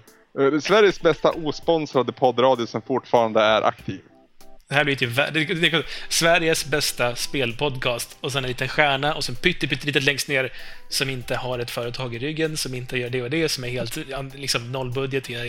Och i så fall ser vi Sveriges bästa. Ja, I alla fall, tack, som, tack för alla röster. Det var, Ja, det var, det var jätte... Alltså, det- jag tycker att det var kul från början att det var någon som ens nominerade och så tänkte jag tycker Retroresan är värd att vinna det här priset, så därför nominerade jag dem. Ja, Bara eh, det tycker jag är skitkul. Ja, verkligen. Jag skulle gärna veta vem det var. Så, Ja, hej, vem du nu var. Tack så mycket. Och vem, vem var du? Jag vill veta. Det kanske Eh. var fler till och med. det kan vara så. Hur som helst i alla fall, jättestort tack till allihopa. Nu ska vi inte prata mer om det. Vi är bäst av amatörerna. Så. Vi, vi går vidare. vi håller på att prata om Goblins. Ja, vi höll på att runda av va? Ja, nu tycker jag vi gör det. Ja. Eh, Goblins är ett spel som har sett sina bättre dagar. När det var nytt var det inte vidare bra och det är inte bättre nu. Kan man säga så. Ja, det tycker jag. Eh, andra spel från samma epok fungerar fortfarande bra idag. Det gör inte det här. Eh, det känns hemskt föråldrat. Men det finns någonstans en liten charm och eh, det är lite så här mysigt tillbakalutat som jag gillar. Och det är så, jag vet inte vad jag ska ta för konkret att peka på men alltså det, jag gillar det så pass mycket att jag överväger att testa nästkommande delar också. Och det här är ju starkt förankrat till att när man köpte det här spelet så fick man de två andra med gratis. Det hjälper. ja, precis. Jag är redo att testa nästa spel och kanske se om de har fått till det bättre då. Visste du att Goblins 4 släpptes 2009? Det är typ i fjol det. Ja, precis. Det är jättenyligen. Precis.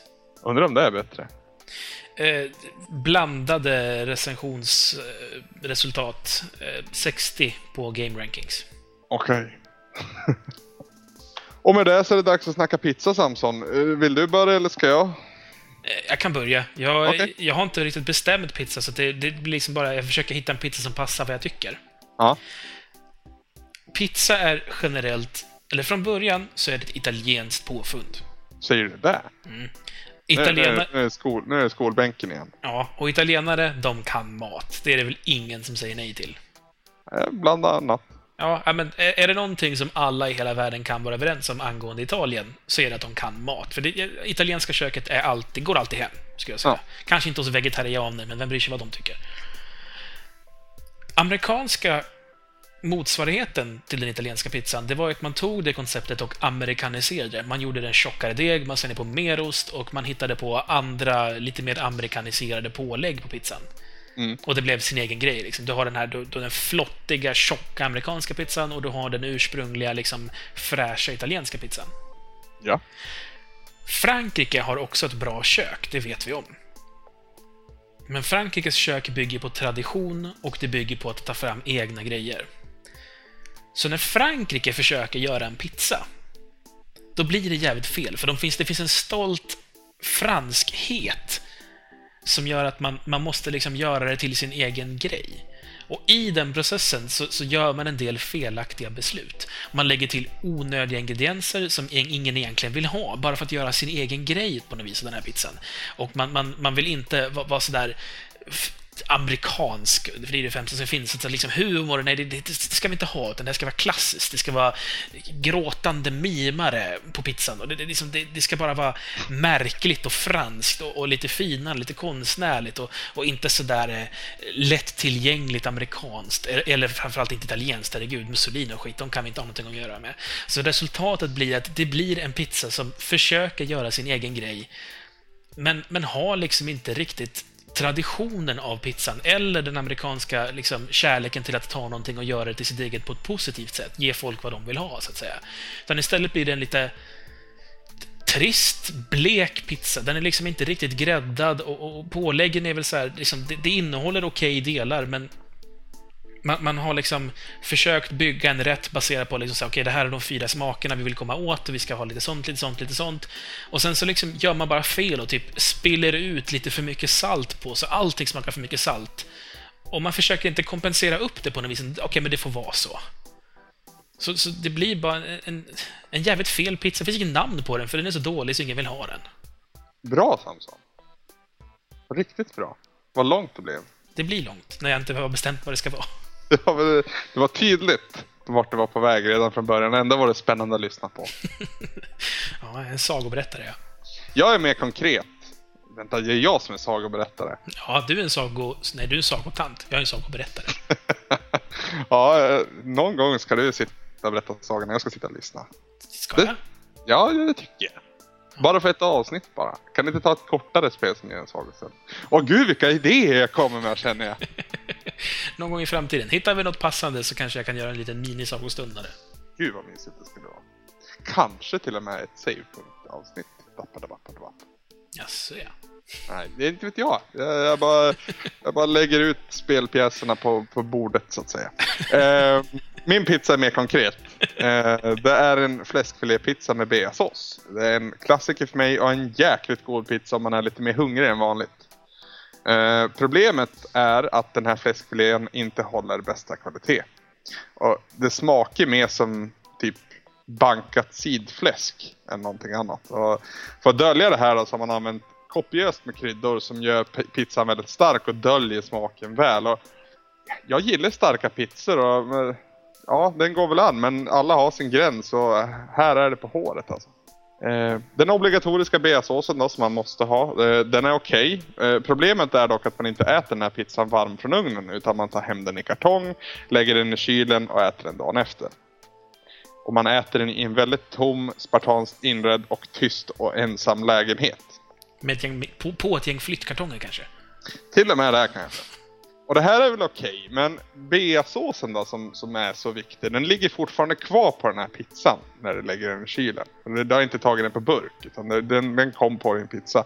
Och när du ska värma upp den här igen sen, då har den dels kallna och sen har den värmts upp igen. Och det blir en gulaktig, vidrig sörja av alltihop som förstör i stort sett hela pizzan hade man använt lite mer kvalitetsprodukter och, sett till att ta den här såsen på burk och liksom separera de två delarna från början så hade det varit en rätt så trevlig upplevelse ändå. Även om man nu var ensam och lite ledsen sådär. Men eh, nu blir det mest slöseri på potential men jag är redo att ge den här pizzan och pizzerian en ny chans. Om, mest för att jag är sugen på att se om de kan få till det bättre nästa gång. Och nu när det är dags för musikpaus så tänkte jag faktiskt fortsätta spela lyssnarönskningar i den här musikpausen. Och som jag sa tidigare så har jag haft en hel del att göra den här veckan. Jag kan inte, jag kan inte stryka under hur mycket jag haft att göra den här veckan. Så det, jag hade inget spontant lager heller och då är det tur att vi har sådana förträffliga lyssnare som hjälper till med sånt där. Uh, och en av dem då som skickade in som har skickat in, jag tror det var ett tag sedan han skickade det här faktiskt. Det är i alla fall Filip Olsson som står för tipset den här veckan. Och han tipsar om en hel sida faktiskt med chipmusik. Um, ja, den är jättesvår att uttala men PTS Squad, eller PTS Squad. PTE Squad. Uh, och där finns det alltså mängder av album med massa chipartister som är helt gratis och helt uh, okej okay att ladda ner. Ingen kommer att knacka på dörren efter. Uh, vi ska lyssna på en låt som heter Power Down och den framförs av en kille som kallar sig Lutin en kanadensisk kille som har koll på sitt Gameboy-chip. Och så här låter det.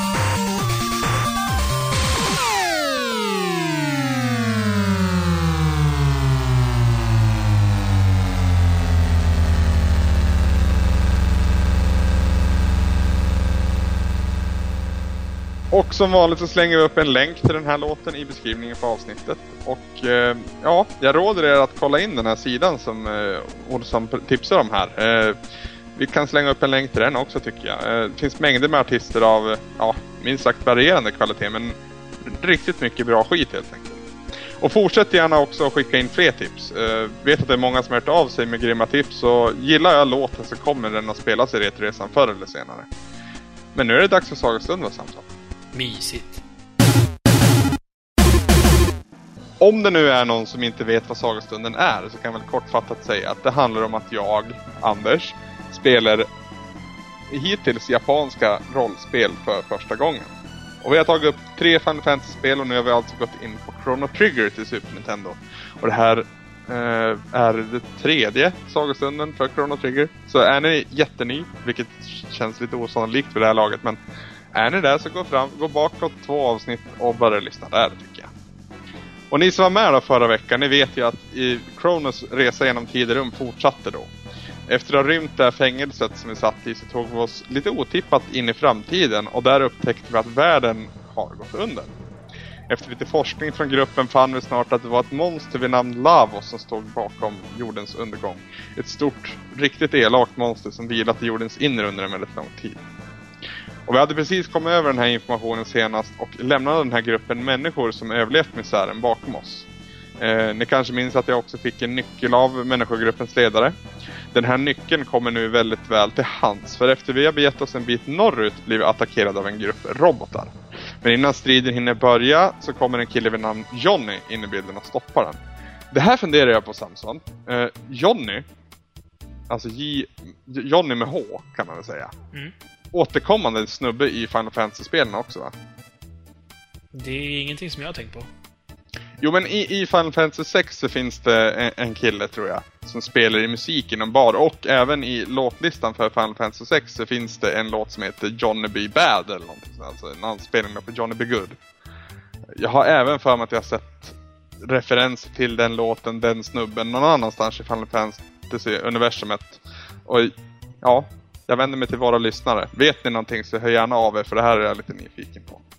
Johnny i alla fall är en kaxig snubbe som säger sig vara en grym jävel på att åka motorcykel. Han utmanar oss i ett eh, motorcykellopp. Eh, ett race genom ödemarken. Och det här är en utmaning som Chrono inte kan tacka nej till. Och det blir ett lopp i sann eh, F-Zero-anda kan man väl säga. Det, det, ja, jag vet, det kallas någonting där Samson. Mode 7. Mode 7, precis. Tack ska du ha. Varsågod. Ehm, det enda jag kan göra egentligen det är att styra det i lodrät. Jag kan alltså åka uppåt eller neråt. Det, gasen sköter sig själv. Jag har dock en liten boost som kan ge mig en liten edge. Men så fort jag tar mig förbi så är Johnny snabbt i kapp. Och det, det, vi turas om att ha ledningen in i det sista. Och det, och det är hårt hela vägen in i mål. Och jag, ja, det måste nästan vara målfoto. Men det är jag som går segrande ur den här ur det här racet. Och eh, ja, vi vinner. Jag blir jätteglad och Johnny har lite svårt att acceptera det här nederlaget. Men eh, ja, vi är extremt nöjda i alla fall och vi kan ta oss vidare till ett ställe som kallas Protodome. Och vi kommer till en byggnad där vi tidigare kunnat se att den här portalen som vi söker fanns. Men byggnaden har ett kraftfullt säkerhetssystem som hindrar oss från att ta oss in. Och efter lite grubblerier och otaliga försök att kringgå det här säkerhetssystemet så får vi helt enkelt vända på klacken och bege oss längre söderut. Vi kommer till en liknande byggnad som inte verkar ha det här säkerhetssystemet likt det förra. Så vi går in. Och direkt när vi kommer in i byggnaden så får vi syn på en robot. Marley förstår inte alls vad det här är, men Luca har full koll på sina grejer och förklarar för oss att det är en humanoid. Alltså en, en robot som, för, som byggts för att försöka efterlikna en människa. Då. Eh, Luca vill försöka laga den här roboten men Marley är lite tveksam. Hon tror att den kan bli lite farlig då. Luca förklarar då att maskiner inte är kapabla till ondska och att det endast är en mänsklig egenskap. Och att det endast är människans fel om en robot utför on onda dåd. Lukas lagning tar sin tid men eh, till slut har hon lyckats reparera den här roboten som startar upp till en extremt svängig musik får jag väl lov att säga.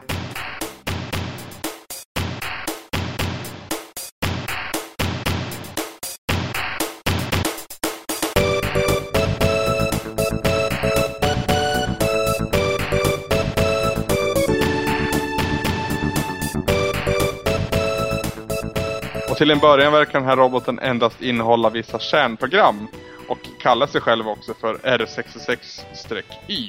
Och det förmodar jag är då produktnamnet på, på roboten. Eh, Luca gillar dock inte det här och vi döper om, om honom till Robo, kort och passande. Luca börjar ställa roboten en hel del frågor, bland annat var, varför stället är helt tomt på människor. Och Robo hajar till när han inser att hon har rätt och menar på att han har minnen av massvis med människor och robotar som levde i harmoni och att han inte har en aning om vad som har hänt. Vi fortsätter med att förklara vår resa genom tiden, att vi nu behöver hjälp för att komma förbi det här säkerhetssystemet. Eh, och just det här tror Robo att han kan hjälpa till med. Eh, och här får vi lämna en partmedlem bakom oss och då väljer jag Lucas som får vänta i byggnaden medan vi beger oss, beger oss norrut igen. Och Robo visar sig vara en fena på säkerhetssystem. För direkt när vi äntrar byggnaden är han framme på den här dataterminalen och knappar in en kod som ställer ner nivån på säkerheten så vi kan ta oss vidare. Sekunden senare blir vi attackerade av en typ av fiende som kallas Acid. Alltså ja, någon typ av sörja som verkar Ja, de verkar skapligt resistenta mot våra fysiska attacker.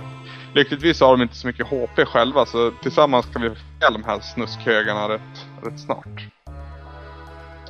Vi hamnar därefter i ett vägskäl där vi antingen kan välja att äntra laboratoriet eller fabriken i den här byggnaden. Vi väljer först den vänstra vägen som leder till laboratoriet. Eh, Robots Robos förmåga att successivt sänka nivån på säkerhetssystemet kommer väl till hands och tack vare det kan vi ta oss förbi massvis med hinder och fiender. Men efter en hel del strider och utforskande märker vi att vi har valt fel väg då vi hindras av en stor dörr med ett kodlås. Och eftersom vi inte har någon kod så måste vi ta oss tillbaka och istället gå den högra vägen ner i fabriken. Väl nere i fabriken, där tillverkning av robotar i stil med Robo verkar äga rum, har vi precis börjat utforska rummet då en stor grip gripklo greppar tag i oss och placerar oss på ett rullband. Rullbandet för oss in i ett rum där vi får möta en lite starkare robot vid namn Proto 3. Och när han har fallit så fortsätter rullbandet in till nästa rum där vi möter fler robotar av olika typer då, eh, som väntar på att försöka förgöra oss. Och det fortsätter ett par gånger till och mot slutet blir det riktigt utmanande. När robotarna är många så är det svårt att planera sin strategi. Eh, men Chrono och Marley kan kombinera sina attacker och vi får då en, en så här tech-attack så att säga som healar hela mitt party och det här kommer väl till hands. Till slut når vi slutet av bandet och vi kan komma ut på andra sidan. Vi tar oss vidare till ett annat rum med en ny datacentral och när Robo hackar sig vidare så får vi reda på ett lösenord. Men det är inte det lösenordet vi behöver utan det är istället för användning av den kran som för en stund sedan plockade upp oss.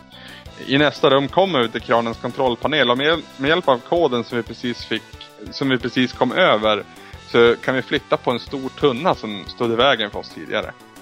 Och med tunnan ur vägen kan vi komma åt en, ännu en dataterminal och denna ger oss lösenordet vi söker efter. Det lustiga är att här att den här dörren som var låst, som jag sökt lösenordet till hela tiden, eh, läste upp att den var av modell SABI, alltså Z-A-B-I-E. Och översatt till SNES-kontroller, typ, så blir det Sabi, alltså X-A-B-Y. Och det är alltså knapparna X, A, B, Y som är koden. Det här borde man väl kunna chansa sig till egentligen. Kanske det. Det är, det är lite det där långsökt men jag borde ha testat någonting. Jag är lite besviken på mig själv här faktiskt. När vi sedan ska återvända till det här vägskälet så sker inte det här vidare smärtfritt. Eh, vi måste be oss ut på rullbandet igen. Och är vi inte snabba här så hamnar vi på samma rutt som vi, vi hamnade på tidigare och vi får slåss mot de här robotsamlingarna igen. Och det här händer faktiskt två gånger innan jag kommer på hur, hur jag ska bete mig. Alltså det, det är mycket timing och eh, lite list också. För att undvika den här stora grip, gripklon. Eh, striderna blir dock enklare för varje gång och jag får några välförtjänade kan man väl säga experience-poäng och levlar ett par karaktärer. Och när vi har lyckats tajma allt ordentligt kan vi ta oss upp till entrén igen och beger oss åter mot laboratoriet. Vägen är densamma som tidigare. Några fiender har förvisso spånat igen men det är inga större problem att ta sig förbi. Och vi kommer till den här datan med lösenordsskyddet och vi knappar in lösenordet och den här dörren öppnas och vi kan ta oss vidare. Förutom det så får vi också en plasmagun till Luca. Eh, Luca är tyvärr inte med oss just nu men vi, vi sparar den till ett senare, senare tillfälle. Rummet vi når nu verkar vara mer av en öppen sal med en stor gigantisk pelare i mitten. På pelaren finns en spak och när vi drar i den så möts vi av ett öronbedövande tjut. Tydligen har vi i och med detta aktiverat något typ av larm, Robo får panik och klargör att vi nu måste fly i världens fart. Vi hinner precis ta oss ur rummet, allt tack vare Robo som, ja, i och med att han är en robot, och kan spjärna upp två väggar som håller på att stängas. Eh, vi springer emellan och Robo kan sedan ta sig ur och han visar sig användbar än en gång, den här roboten. I nästa rum under vår flykt ställer sig mot ett flertal av robotar som ser ut som blåa versioner av Robo. Och Robo blir jätteglad och hälsar på dem alla och förklarar för oss att det här är hans vänner. Men de övriga robotarna verkar inte instämma i Robos skönsång. De menar att Robo inte fungerar som han ska. Modellen som han och de övriga är, är av är nämligen attackrobotar som konstruerats för att försvara den här byggnaden och ta död på alla män människor som vågar inkräkta. Eftersom de övriga robotarna nu anser att Robo är trasig så bestämmer de sig för att attackera och skrota honom. Och det är en, det är en väldigt plågsam scen vi får se här där horder av de här blåa robotarna attackerar Robo som hjälplös eh, kryper omkring på golvet. Han försöker krypa iväg och han ber om nåd att han inte vill dem något ont. Men robotarna fortsätter att attackera honom om och om igen och till slut är Robo helt förstörd och han kastas upp i något som enklast kan beskrivas som ett sopuppkast. Vi blir givetvis tagna av denna händelse och när robotarna sedan vänder sig mot Krona och Marley för att förgöra oss är vi mer än redo att hämnas Robo. Och robotarna får smaka på vår vrede. Trots att de är många till antalet så finner vi snart en vinnande, vinnande strategi i att Corona som vanligt får sköta det offensiva medan Marley tar hand om deras hälsa. Corona har dessutom en slash attack som innebär att han kan attackera flertal fiender samtidigt. Och det här kommer väl till hands nu och en efter en faller robotarna och snart är det hela över. Marley klättrar upp i sopuppkastet och plockar ner Robo som ser ut som en stor hög av skrot. Vi funderar på om vi kan rädda den här arma maskinen och kommer fram till att Luca är den vi borde rådgöra med. Vi får således släpa tillbaka den här skrothögen som återstår av Robo tillbaka till den förra byggnaden där Luca sitter och väntar. Och Luca får arbeta mycket och hon får arbeta länge och in i det sista är det oklart om hon kan hantera en sån här avancerad teknologi. Men efter flera dagars arbete så vaknar Robo till en morgon och hälsar på oss i samma vana som tidigare. Efter vårt glädjefnatt och kramkalas lagt sig så ber Robo om att få följa med på våran resa. Han anser att han inte har mycket kvar att uträtta i denna tid och han vill mer än gärna hjälpa oss att försöka göra världen bra igen. Vi välkomnar Robo som en i familjen och ber oss mot portalen som vi nu kommer åt. Men vi hamnar dock inte på det stället vi trodde att vi skulle hamna utan istället på en plats helt okänd för oss alla. Vi kommer ut i en mörk hall som verkar sväva ute i tomma intet. Det är mörkt runt omkring och det är omöjligt att avgöra endast på inredningen vart vi har hamnat. Försiktigt i bakgrunden kan man höra en röst hoa. Och vi söker oss mot rösten och det visar sig tillhöra en gammal man som har många svar på våra frågor. Det visar sig att vi har kommit till tidens ände och att alla som har kommit vilse i, i tidresorna förr eller senare hamnar här. Det visar sig nämligen att man inte bör resa i tiden om man är fler än tre åt gången. Och blir det för mycket då så hamnar man här istället för att, ja jag vet inte, jag kan inte så mycket om tidresor men det låter som en, som en rätt så lämplig förklaring om man utvecklar ett spel. Baserat på denna information så får vi i alla fall lämna en partymedlem bakom här. Eh, men vi har när som helst möjlighet att kalla in den här igen och eh, ja, välja och vraka som man vill återigen är det Luca som jag lämnar bakom. Eh, hon verkar dels ha en hel del att tala om med den här gamle mannen och dessutom är jag alltför beroende av Marleys healingkunskaper och Robo har ju precis lärt mig att älska så han får ju också vara kvar.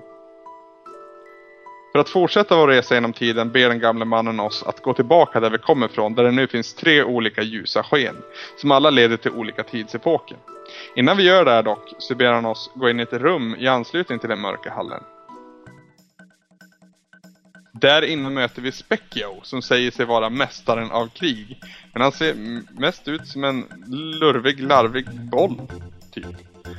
Han berättar hur som helst att det, att det långt innan någon av oss föddes fanns något som kallades magi. Till och med ett kungadöme uppbyggt kring magi.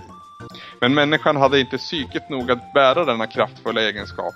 Och efter en hel del tumult förbjöds människan att använda magi och därefter har endast Eh, trollkarlar haft de egenskaperna.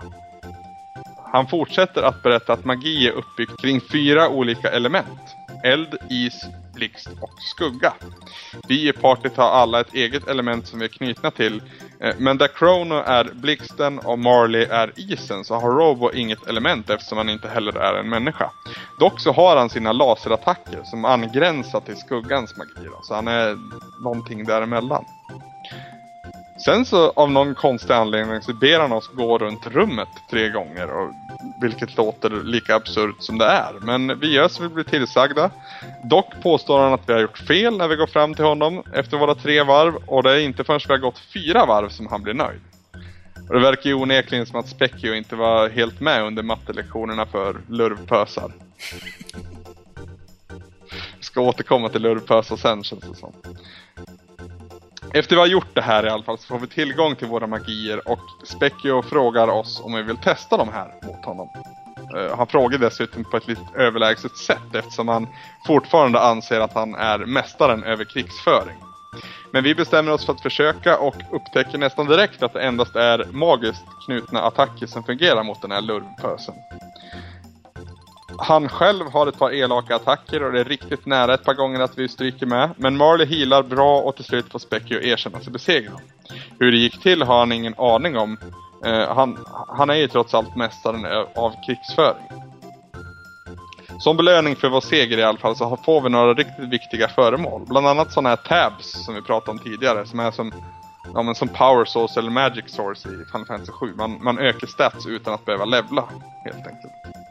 Vi går ut i rummet och noterar en liten fontän i änden av rummet där den gamle mannen står. Och vi frågar lite om den här fontänen och mannen berättar då att den här fontänen leder direkt till Lavos-dagen. Alltså den dag då Lavos steg upp från jordens inre och började förstöra världen. Vi kan alltså redan nu försöka stoppa honom men jag är väl medveten om att vi inte kommer... Det kommer inte gå så bra i det här läget känns det som. Så jag avvaktar tills vidare. Istället ska vi tillbaka i tidningen och försöka lära oss mer om historien bakom Lavos och hur vi ska kunna stoppa honom. En av portalerna kan ta oss till Medina år 1000, rätt så precis. Och det blir vårt nästa mål. Men hur det går får ni höra i nästa veckas sagostund. Och då funderar du kanske vad en lurvpöse är? Som sagt. ja, vad är en lurvpöse? um, det är, jag vet inte vad det är heller egentligen. Det, det, det är så här. I Bollnäs så finns det ett gäng eh, ja, personer som har jobbat inom restaurangbranschen rätt länge, vissa av dem. Och de hade som hobby att spela in så här små sketcher på film. Och till slut så hade de tillräckligt mycket material och tillräckligt mycket karaktärer så att de kunde göra en långfilm ansåg de. Alltså en riktigt låg budget C-film skulle jag väl kalla det, om inte D till och med. Eh, den här kom ut i alla fall för några år sedan, den heter Småstadsliv. Och den här varit en sån här otrolig kulthit i, i, i Hälsinglandstrakterna. Alltså i, i det Hälsinglandsbältet egentligen, eller bandybältet kallas det också. Uh, och det, det, filmen har fått två uppföljare faktiskt. Och en av karaktärerna här heter Stonk-Tommy. Och han är en, en bilmekaniker som han har förmåga att skrika och inte lyssna på någon annan förutom sig själv oftast. Och väldigt underhållande person. Uh, och han spelar ett dataspel, ser man i, i vissa klipp. Ett dataspel som han spelar på en sån här gammal telefax för övrigt. Och där nämner han bland annat att han, blir, att han blir jagad av lurvpösar. Vilket jag tycker är för, ja, förträffligt namn på en fiende. Det kan ju vara mycket, men det, det, man ser en lurvig pöse. Liksom uh, det här, det, jag klippte faktiskt ihop, nu blir det lite reklampelare igen, men jag klippte ihop ett, ett gäng klipp med Stonk Tom som pratade om sitt dataspel. Uh, som, ja, det ligger ett Youtube-klipp uppe på min blogg och på alla ställen som speglar min blogg. Så ni kan gå in och kolla där om ni, om ni känner för det. det jag älskar det här men det, det är samtidigt väldigt mycket intern humor för bollnäsare. Jag kan ju faktiskt också nämna att jag känner faktiskt till den här serien trots att jag inte är bollnäsare. Ja. Och det gör jag genom faktiskt två bekanta i Uppsala. Jaha. Som när jag, eh, jag... Jag var ju förbi Uppsala i somras här när min fostermor dog. Mm. Och det är faktiskt hennes äldsta son och hans kompis Simon och Magnus heter de. De två är riktiga fans av den här serien och kunde inte sluta prata om den när jag sa att jag pratade med en kille från Bollnäs. jag vet. Och det är liksom... det finns Facebookgrupper från Bollnäs som så här... Ja, du vet hur Facebookgrupper kan vara, men gruppen heter Visst är det jobbigt när man pratar om småstadsliv och folk inte har sett filmerna? Typ. För att alla i Bollnäs har verkligen sett småstadsliv. Det, det, helt sinnessjukt. Och alla citerar och alla skrattar varenda gång för att vi tycker att det är så förbannat roligt. Och de, är, de är billiga att köpa på nätet. Småstad, eller småstadsliv.se eh, kan inte rekommendera nog. Det, det, det är så sinnessjukt kul. Så det är en lurvpöse helt enkelt. Ja, lurvpösar och, och, och jag kan inte återge Stonk Tommy faktiskt. Eh, kolla, kolla Youtube-klippet istället. Ska vi prata lite om Chrono Trigger generellt? Jag tror det. Eh, ja, det känns som att det här är punkten då spelet börjar öppna sig. Det märks att du har kommit in mer i det. Det märker jag på ett, ett litet knep eh, som jag har märkt, eller som jag har lagt märke till under alla våra eh, sagostunder. Aha, ja. När du börjar prata om huvudkaraktären i jag-form. ja, okej. När det inte längre är Chrono som gör saker, utan det är du och Marley som gör saker. Det är då Ja. du, du har kommit in i det, och det gjorde du den här gången. Mm. Jag försöker ju ibland för att, mest för att variera ord så att säga i min text och i mitt prat. Skriva, för jag vet att jag skrev Cloud några gånger också i Final Fantasy 7 och så vidare. Men det blir ju, det blir ju, Krona är ju jag. Liksom. Jo, precis. Så ja, det, det var ju fin åskådning. Eh, men ja, som, som jag sa, det känns som att eh, vid den här punkten där jag stannar, det är nu spelet börjar eh, grena ut. I och med att man får den här möjligheten att skifta partymedlemmar. Som jag tror det var någon lyssnare också som kommenterade om till förra veckans avsnitt. Eh, och det, det, ja, jag har varit motiverad hela tiden. Det har endast varit tidsbrist. Nu är jag faktiskt så tråkigt så jag skyller endast på det. Eh, som har gjort att jag inte har hunnit spela mer. Nu tycker jag ändå att jag kom in en bit just för att jag hade hela torsdagen på mig. Och det, det, det börjar bli tjatigt att säga att det, det ska bli spännande att se vart det här bär av. Men det är ju fortfarande aktuellt. Alltså det, det är väldigt bra det här spelet. Kan jag säga utan att slösa på superlativ.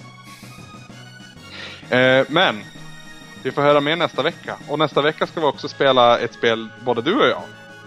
Med en liten, med en liten fransos med en, eh, ja, väldigt, väldigt kopierad frisyr.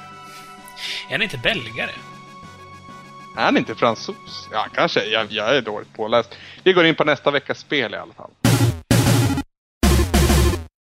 Och oavsett om man är belgare eller fransos så är det i alla fall Tintin vi pratar om i huvudrollen i eh, nästa veckas spel. Och det är alltså Tintin i Tibet till Super Nintendo som vi ska spela. Och vad jag förstått så finns det i fler versioner än till Super Nintendo men vi väljer det mest för att det är våran älsklingskonsol, kanske? Ja, precis. Och sen tror jag också att den versionen inte är på något sätt sämre än de andra. Inte vad jag kunnat utröna från några få YouTube-klipp i alla fall. Jag tror att det är i grund och botten samma spel. Det finns ju vissa skillnader förstås. Det finns ju Gameboy-versioner och, och så vidare. Ja. ja, men det finns ingen som är liksom superior till eh, Super Nintendo-versionen. Kanske att PC-versionen skulle kunna vara lite vassare, men jag vet Fast inte. jag tyckte inte den såg vassare ut. Jag tyckte den såg mest bökigare ut. Om jag får gå Jag tillbaka kanske, jag vet inte. Ja. Nej, jag, jag vet inte heller. Vi får se hur Super Nintendo-versionen fungerar i alla fall. Har du lite info om det här spelet? Inte mycket, men lite grann i alla fall. Ja. Det är utvecklat av franska Infogrames. Eh, Tintin är för övrigt belgare, nu, nu har jag kollat upp det. Aha, eh, eller hans författare i alla fall belgare. ja vad är Tintin då? Men han är väl antagligen också belgare. Det är som med, med vad heter han? Eh, han eh, deckarsnubben som använder sina små grå glömde bort vad han heter. Eh, det, är, en klassisk deckarserie. Han, alla tror att han är fransman, han är belgare. Skitsamma, vi går vidare. Tintin i Tibet, utvecklat av franska Infogames och eh, ett annat företag gjorde då de bärbara releaserna, alltså för Game Boy och Game Gear. Eh, släpptes 1995. Det är ett tredjepersonsäventyr eh, och det är då löst baserat på serietidningsboken som heter Tintin i Tibet. Mm. Eh, jag tror att alla vet vem Tintin är, jag tror alla vet vem Tintin i Tibet är, för det är en av- en av de mest kända, skulle jag tro. När du gick i högstadiet Samson, fanns det inte typ 40 miljoner jävla nissar med Tintin-frilla då? Tintinfrillan lever och existerar gott och väl i byhålorna utanför Malmö, kan jag säga. Ja, det, det existerar även i, i bandybältet om jag eller jag kallar det så. va? Eh, jag har aldrig haft en Tintinfrilla, har du? Eh, ja, motvilligt. Motvilligt? Ja, men alltså när man inte fick bestämma över sin frisyr så var det en sån. För att det var så lämpligt tyckte vi. Morsans kompis som också var frisör på fritiden. Jag har alltid bestämt min egen frisyr. Ja, det är lyckligt lottad. Ja, ja. Jag Vi ska vet inte inte, börja jag- prata traumatiska barndomar här, men Jag vet inte om jag är så lyckligt lottad. Jag gick runt med hockeyfrilla en bra del av 80-talet. ja, man, ibland vet man inte sitt eget bästa. Nej, och jag vet sällan det. Hur som helst i alla fall så är det ett spel som eh, är väldigt anmärkningsvärt för att det är vad jag vet det första spelet på Super Nintendo som översätts till svenska. Ja, det ser man. Mm. Det hade jag ingen aning om. Det är eh, antingen så är det det eller så är det det här eh, elitseriespelet som släpptes. Alltså det är en portning av NHL-spelen som kom. Jag tror att det var 96, jag är inte helt säker. Det kan vara 95 också, men det kan ju vara månader som skiljer dem åt. Nu vet jag tyvärr inte vilken tid på året det släpptes. Jag tror att det kom sent 95, så i så fall vinner nog Elitserien. Men om man inte räknar med det, för det är bara ett sportspel, det är inte riktigt samma sak. Här har man faktiskt översatt ett helt spel med, med liksom en story och ett äventyr. Mm.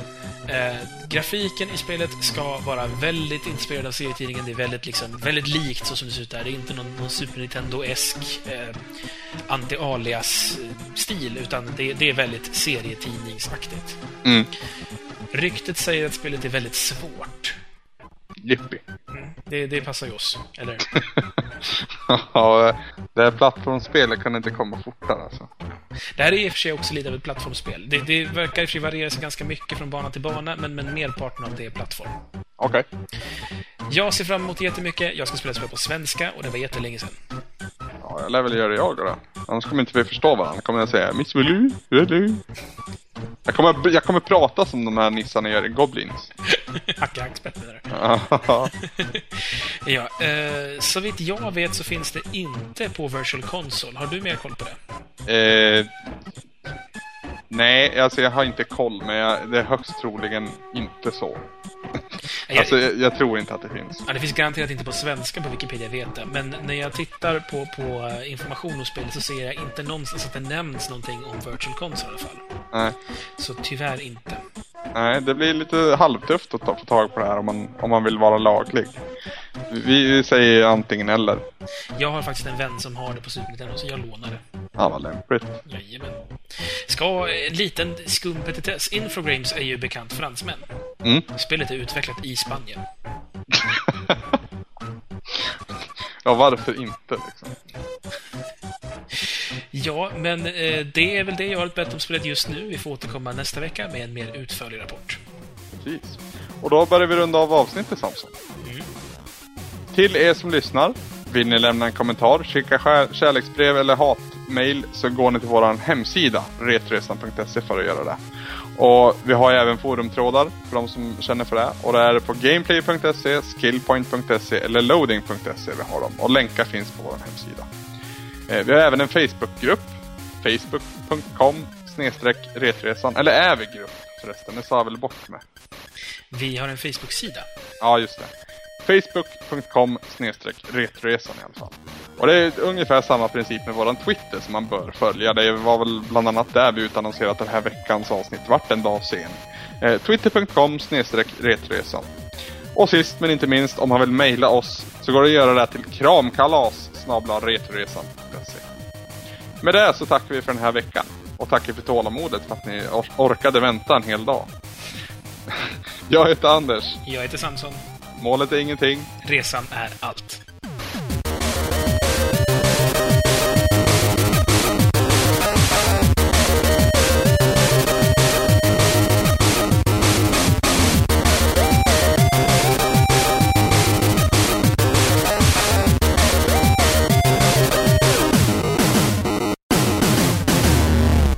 För att...